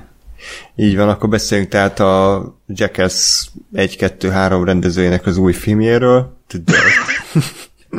Oké. okay. Gáspár, mi a véleményed a The Dirtről? Csak én láttam? Igen. Imá, imádsz úgyis egyedül beszélni, úgyhogy itt Aha. a lehetőség. Igen, hát röviden és tömören ez ugye a, a, a Bohemian Rhapsody jól, vagy jobban, vagy érdekesebben. Ez a Ö, Rocketman lesz. Hát az, az más, az a másik, másik oldal lesz a spektrumnak. Uh-huh.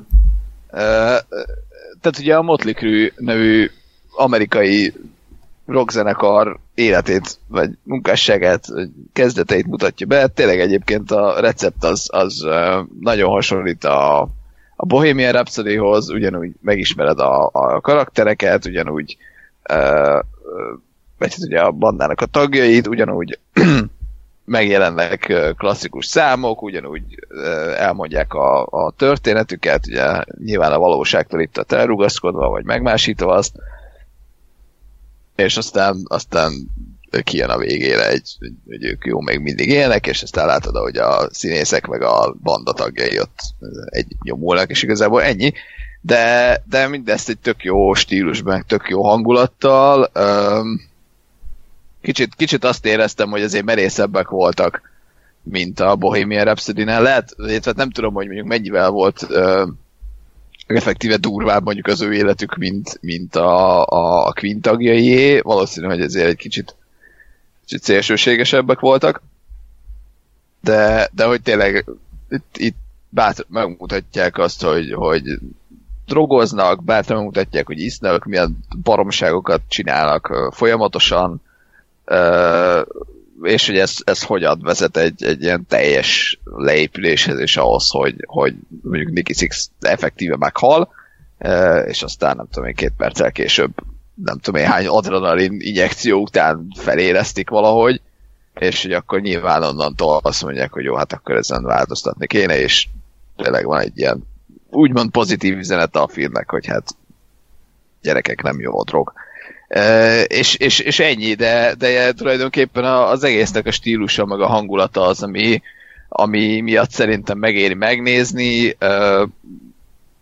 Tényleg egy ilyen 80-as, 90-es évek rockzenészei, annak minden pozitív és negatív hozzátartozójával, borzalmas parókákkal, de, de elég jó színészi játékkal, úgyhogy én egyébként nem ismertem a bandát, illetve ez úgy voltam, hogy tudom, hogy van egy ilyen nevű banda, de hogy nem, nem ismertem őket zeneileg, meg, meg emberileg, de, de pont emiatt nekem érdekes volt a film, nyilván utána megnéztem, hogy hú, top 10 dolog, amit a Dörtbe megváltoztattak, és mindenkire azt, mindegyikre azt mondom, hogy jó, kit, nem, ki nem szarja le. Tehát, hogy és, és hogy én tényleg, én, mondjuk én a, a Bohemian rhapsody is úgy voltam, hogy de lehet, hogy az is csak azért, mert nem annyira ismerem a Queen-t, hogy jó, hát megváltoztatták, és ez egy film. Tehát, hogy nem dokumentumfilmet nézek, hanem fikciós filmet, színészek eljátszák, és nyilván a sztorit meg lehet változtatni, a, a filmen belül működött,